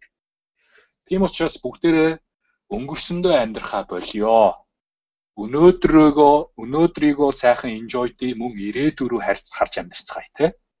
Би ч гэсэн одоо энэ алдааг их даргадаг надад Сиатлд дөнгөж очоод Юдабад орж явах үе болон дөнгөж анхны охиноо үлгээд авч явах үе надад айгүй нандин дурсамжтай байдаг. Тэр үедээ буцаж очих юмсан ч юм уу айгүй хүсэтгэлтэй. Тэгээ нэг л тийм өнгөрсөн гой санагтаад. Тэр бол хүн болгонд л байдаг зүйл байх. А гэхдээ ингээд нөгөө өнгөрсөндөө амьдраад байхлаар хүн ирээдүрүүгээ харж чадахгүй өнөөдрөө enjoyдож чаддаггүй юм болов уу гэж энэ номон дээр гарч ийлээ шүү. Тийм учраас одоо энэ бүх прогрессив энэ мундаг мундаг хүмүүс ч юм бол дандаа ирээдүйг харж ирээдүрөө зүтгэж чадсан хүмүүс байт юм байна. Тийм учраас өнгөрсөнд ч гой байгаад гэсэн бол чи ирээдүгөө тэрнээс илүү гой болохын төлөө зүтдэг яа л гэсэн үг юм шиг байлаа. Тэгвэр зүйл те. Хоёрдугаар зүйл тэр номон дээр юу гэж хэлсэн бэ гэхээр take action. Take action буюу чи яг одоо ямарваа нэгэн зүйл хүсэж байгаа одоо зорж байгаа бол тэрийг яг одоо их л яг одооноос эхэлж хий гэж байгаа байхгүй тий. Энэ дээр юу гэж гар хэлж чинь гэхээр маш олон хүмүүс энэ дэлхий дээр байгаа олон тэрбум хүмүүс бүгдээрээ л ямарваа нэгэн хүсэл зоригтой мөрөөдөлтэй. Тэрэндээ хүрч байгаа хүмүүс нь бол маш цөөхөн. Гэхдээ хүрч байгаа хүмүүс болон тэр зүгээр л бодоод явдаг хүмүүсийн ганц ялгаа нь юу вэ гэхээр хүсэж байгаа хүмүүс нь хийж эхэлж чадсан байхгүй л гэж байгаа байхгүй. Тэ? Amazon болвол гараж нь эхэлсэн гэдэг те. Зүгээр л онлайнаар ном зарыг гэдэг ихэд тухайн үед бол хүмүүс миний л бодлоор чи тэнийг юм уу гэж хэлчихсэн баг. Хүн номыг чинь дэлгүүрт очтын, үздтийн, хардтын ингэж барьж те наа зах нь ингээд доторхын хальт уншиж үлдчихэж байгаад хүн удалдаж авч ийн гэж хэлчихсэн байх тухайн үед Jeff Bezos те. Гэтэл өнөөдөр Amazon ямар төвшөнд байна те. Тийм учраас мөрөөдж байгаа, бодож байгаа, зорж байгаа зүйлээ take action яг одооноос эхэлж хийж эхэл. Би бас энийг нөгөө нэг ягаад нь шүү дээ би бас ингээд нөгөө өөрийнхөө санг байгууландаа өөрийнхөө энэ wealth management компани байгууландаа гэж мөрөөдөл бодоод яваад гэсэн бол энэ номыг уншаад ингэсэн одоо би уншаагүй дээ сонссон. Amazon-ыг би нөгөө audible-аар би сонсчдөг байхгүй. Тэгээ энэ номыг сонссныхоо дараа би нөгөө хийх ёстой байна. Эхлүүлэх ёстой байна. Тэгээ би одоо эхлүүлээд явж байгаа байхгүй. А гурав дахь зүйл нь юу вэ гэхээр stop expecting гэж байгаа байхгүй. Энэ болохоор stop expecting гэдэг нь бити хүнээс ямарваа нэгэн зүйлийг одоо горд шаард одоо монголоор юу гэх юм бэ те нэг тийм гордохгүй л хүнээс бити нэг тийм зүйлсийг гордоо гэж. Энэ нь юун дээр орж ирж юм хүлээ бити хүлээ гэж байна. Энэ нь юун дээр орж ирж байгаа гэхээр хүмүүсийн хүмүүс хоорондын нэг харилцаан дээр орж ирж байгаа юм л personal relationship те. Хүмүүс яадаг гэхээр би ч гэсэн энэнд айгүй буруутай. Би энэ яагаад би бас ингэдэг хүнд нэг тус хийчихэд хүнд одоо нэг тус хийчихэд тэнгүүтээ нөгөө хүн маань яг адилхан тусыг надад буцааж хийх юм би ингээд нөгөө хүсээд хүлээгээд ингээд жоохон дотроо сэтгэл зүрхэм шаардаад идэх байхгүй юу. Тэнгүүд нөгөө хүн маань яг тийм адилхан зүйл хийж чадахгүй энэ байнгут би айгүй одоо гоморхох ч гэдэг юм уу disappointed болох гэдэг дээ тий. Тэгээд тэр хүнтэй байсан харилцаа маань нэгсэндээ надаас болоод муутсаж байгаа байхгүй. Тэгэхээр одоо чиний чи одоо ямарваа нэгэн сэтгэл зүрх маш сайхан сэтгэл зүрх гаргаад хүнд туслаад хүний төлөө юм хийж өгөөд ингэсэн байлаа ч гэсэн тэр хүн чинь яг чиний гаргаж байгаа акшн үйл үйлдэл чинь тэр хүнд чиний сэтгэлдээ чинь тэнцэж харагдаж чадахгүй байж магадгүй учраас цаад хүнээсээ expect хийхээ юм хүсэж шаардхаа болоо. Чи тэгж чадах юм бол чи өөрөө маш аз жаргалтай амьдрах гэдэг байна одоо ингээл тэр маань намайг ингэсэнгүү тэр найз маань над руу залгасангүү тэр маань ингэсэнгүү ёстой новш гэж ингээл ядчих хүмүүс чинь. Аа. Энэ муу ёстой зөвхөн хэрэг дарахаараа залглаа ч юм уу. чам руу хэрэг гарахаараа залгаж ивэл чи тийм хэрэгтэй л хүн байж тээ. Тэрэн дээр л баярлал та тий. Тэгээд хүнээс ингээд юм амар юм expect хийхэ болох юм бол чи өөрөө л айгуу гоо яас чагалтай амьдрын. Дээрээс нь чиний чиний одоо найз нөхөрлөл болон тэр personal relationship-үүд чи маш амжилттай их сайхан явна чи яас чагалтай явна л гэсэн тийм. Ийм л гурван зүйлсийг одоо номноос авсан зүйлсээ залуучуудтай хэлж энэ подкаст өндөрлөе доо. За тэгээ би маш их баярлж дээ. Тад дахин энэ удаагийн ярилцлагыг хүсэхэд маш их баярлалаа. Таны ажил амьдрал бүх зүйлд ажилласан. За баярлалаа зогтоо. Чамд ч гэсэн одоо Америкт бас их сайхан University of Minnesota төгссөн те. Бас мундаг сургууль төгсөөд Америкт бас ингээ одоо хуулийн фирмд ажиллаж байгаа гэж чинь чамд бас их баяр хүргэе. Чи бас ийм сайхан подкастаар залуусын одоо нэгсэндээ одоо арай өөрөөр сэтгэх, өөрөөр юмыг харах болон мэдээ мэдээллийг хүсэж байгаа залууст ингэж сайхан энэ зүйлсийг хүргэж байгаад чинь бол би бас баяр хүргэмээр байна. Аа баш баярлаа. Өшөө одоо баг цаг 30 минутаас ч илүү 3 цаг шахвал ярмаар байлаа. Тийм учраас тийм учраас чамд их баярлалаа. Ингээд хүссэн зүйлийнхаа төлөө зорж хичээж яваа бүх залуучуудтай амжилт хүсье. Та нар өнөөдрийн байгаа амьдрал чинь та нарт одоо заяагцсан зүйл бол биш юм шүү. Тийм учраас чиний одоо өнөөдөр байгаа амьдралдаа чи сэтгэл хангалуун биш байх юм бол энийг өөрчилж өөрчилж шинжилэл дэвшилтийг авчирч чадах хүн зөвхөн чи өөрөө ухраас хичээгээрээ залуучуудаа манай залуучууд гэхдээ айгүй мундаг болчихжээ сүүлийн үед шин мэдээ мэдээллийн араас явдаг болсон байна. Айгүй сайхан амбицтай болсон байна. Би бол энэ баярлалаа. Би аль 2011 12-оос л хоош хилдэг байсан. Агчлагийг ихтэй хилдэг байсан. Өнөөдрийн улс төр яах вэ? Өнөөдрийг хөгжчүүл яах вэ? Залуучууд бид нэр энэ улсын ирээдүй шүү. Залуучууд бид нар энэ улсыг сайхан болгоно шүү. Залуучууд бид нар л гэрэлт ирээдүг авчирна шүү гэж би байн хэлдэг гэсэн. Тийм учраас би залуучууд танаас итгэж байна. Бүгдээрээ хичээгээрээ ном зохиол сайн уншаараа, шинэ мэдээллийг сайн аваараа, хүссэн зүйлийнхээ араас тэмцээрээ гэж хэлээд та. Тий. За тэгэлгүй яах вэ? Бид бүхэн тех болно. Тэгээ таны захимжийг үргэлж толгойдоо байлгад гэж би бол маш их ихтэй. Тэгээ танд маш их баярлалаа. Баяртай.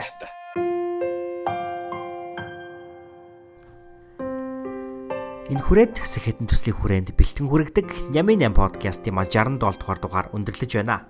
Энэ удаагийн дугаарыг би маш удаан хүлээж байж хийлээ. Тэгээд яахын аргагүй төр зур завсарлага авах хэрэгтэй байсан учраас энэ удаагийн завсарлага маань маань надад маш удаан санагдлаа. Тэгээ подкаст хийх маш дуртай байдаг учраас подкаст хийхгүй байх надад маш их хэцүү байлаа. Тийм учраас энэхүү та бүхэнтэйгээ цоошин дугаараараа уулзсандаа би бол маш их баяртай байна. Тэгээд хамгийн гол нь энэ подкастыг яг ингээд 1 цаг 30 минут сонсоод энэ хүртэл хамт байсан сонсогч танд бүр маш их баярлалаа. Тэгээд энэ дугаарыг маш үнцэнтэй хамгийн чухал нь хамгийн гоё нь болгож өгсөн мөнхч ахтаа мэдээж хэрэг маш их баярлаа. Тэгэхээр удаан хугацаанд подкаст хийгээгүй байж байгаа та бүхэнтэйгээ эргэж уулзж байгаа учраас та бүхнийхээ сэтгэлдлийг сонсох маш их хүсэлтэй байна. Тийм учраас та бүхэн маань хэрвээ энэ дугаар таалагдсан бол яг одоо та энэхүү дугаараа скриншот хийгээд ямар апп дээр сонсож байгаадад хамаагүй зүгээр скриншот хийгээд Instagram дээрээ оруулаад мөнхчийн ахыг болон намайг меншн хийх буюу таглаарай. Мөнхчийн ахын маань Instagram хаяг нь юу вэ гэхээр M U N K H J I N O буюу мөнгөчин О гэдэг хаяг байгаа. Тэгээ мөнгөчин Отхон Баатар гээд бичих юм бол бас гараад ирэх байгаа. За тэгээд энэ подкастаас та юу сурав? Хамгийн гол онцлог хэсэг нь юу вэ те? Тэр хэсгүүдийг онцолж бас бид надад хийдвэл би маш их баярлах болно. Тэгээд энэ бол миний хувьд бол маш нандин зүйл гэж би хэлнэ. Та бүхний сэтгэл. Тэгээ тэр ч утгаараа миний ард яг одоо Монголын Red Line гэдэг хамтлагийн Precious буюу Нандин гэдэг дуу бол явж байна.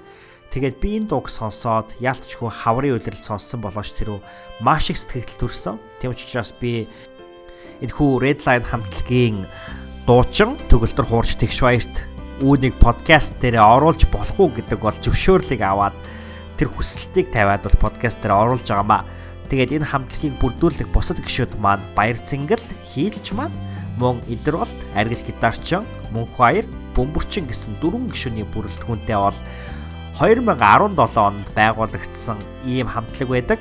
Гишүүд бүгд мэрэгчлэрээ хөгжимчд гэдгээр бол онцлогтой байд юм бэлээ. Redline хамтлагийн яг одоо сонсож байгаа энэ бүтээл бол хоёр дахь удаагийн бол бүтээл. Шинэ бүтээл нь бол гарсан байгаа та бүхэн ороод сонирхоод үзээрэй. Тун удахгүй Game of Thrones гэдэг serial-ийн дараагийн нэгэн season гарч байгаа шүү дээ. Түүний одоо soundtrack-ыг бол хийсэн байгаа. Та бүхэн Redline гэдэг YouTube-ээс олоод заавал сонсороо гэж би бол уриалмаар байна. Тэгээд хэдүүлээ эцэст нь яг одоо энэ дууг энэ подкастаараа бүтэн нэг ихнээс нь сонсоод энэ подкастаа өндөрлүүлье. Тэгээд энэ удаагийн подкастаа хамт байсан танд маш их баярлалаа.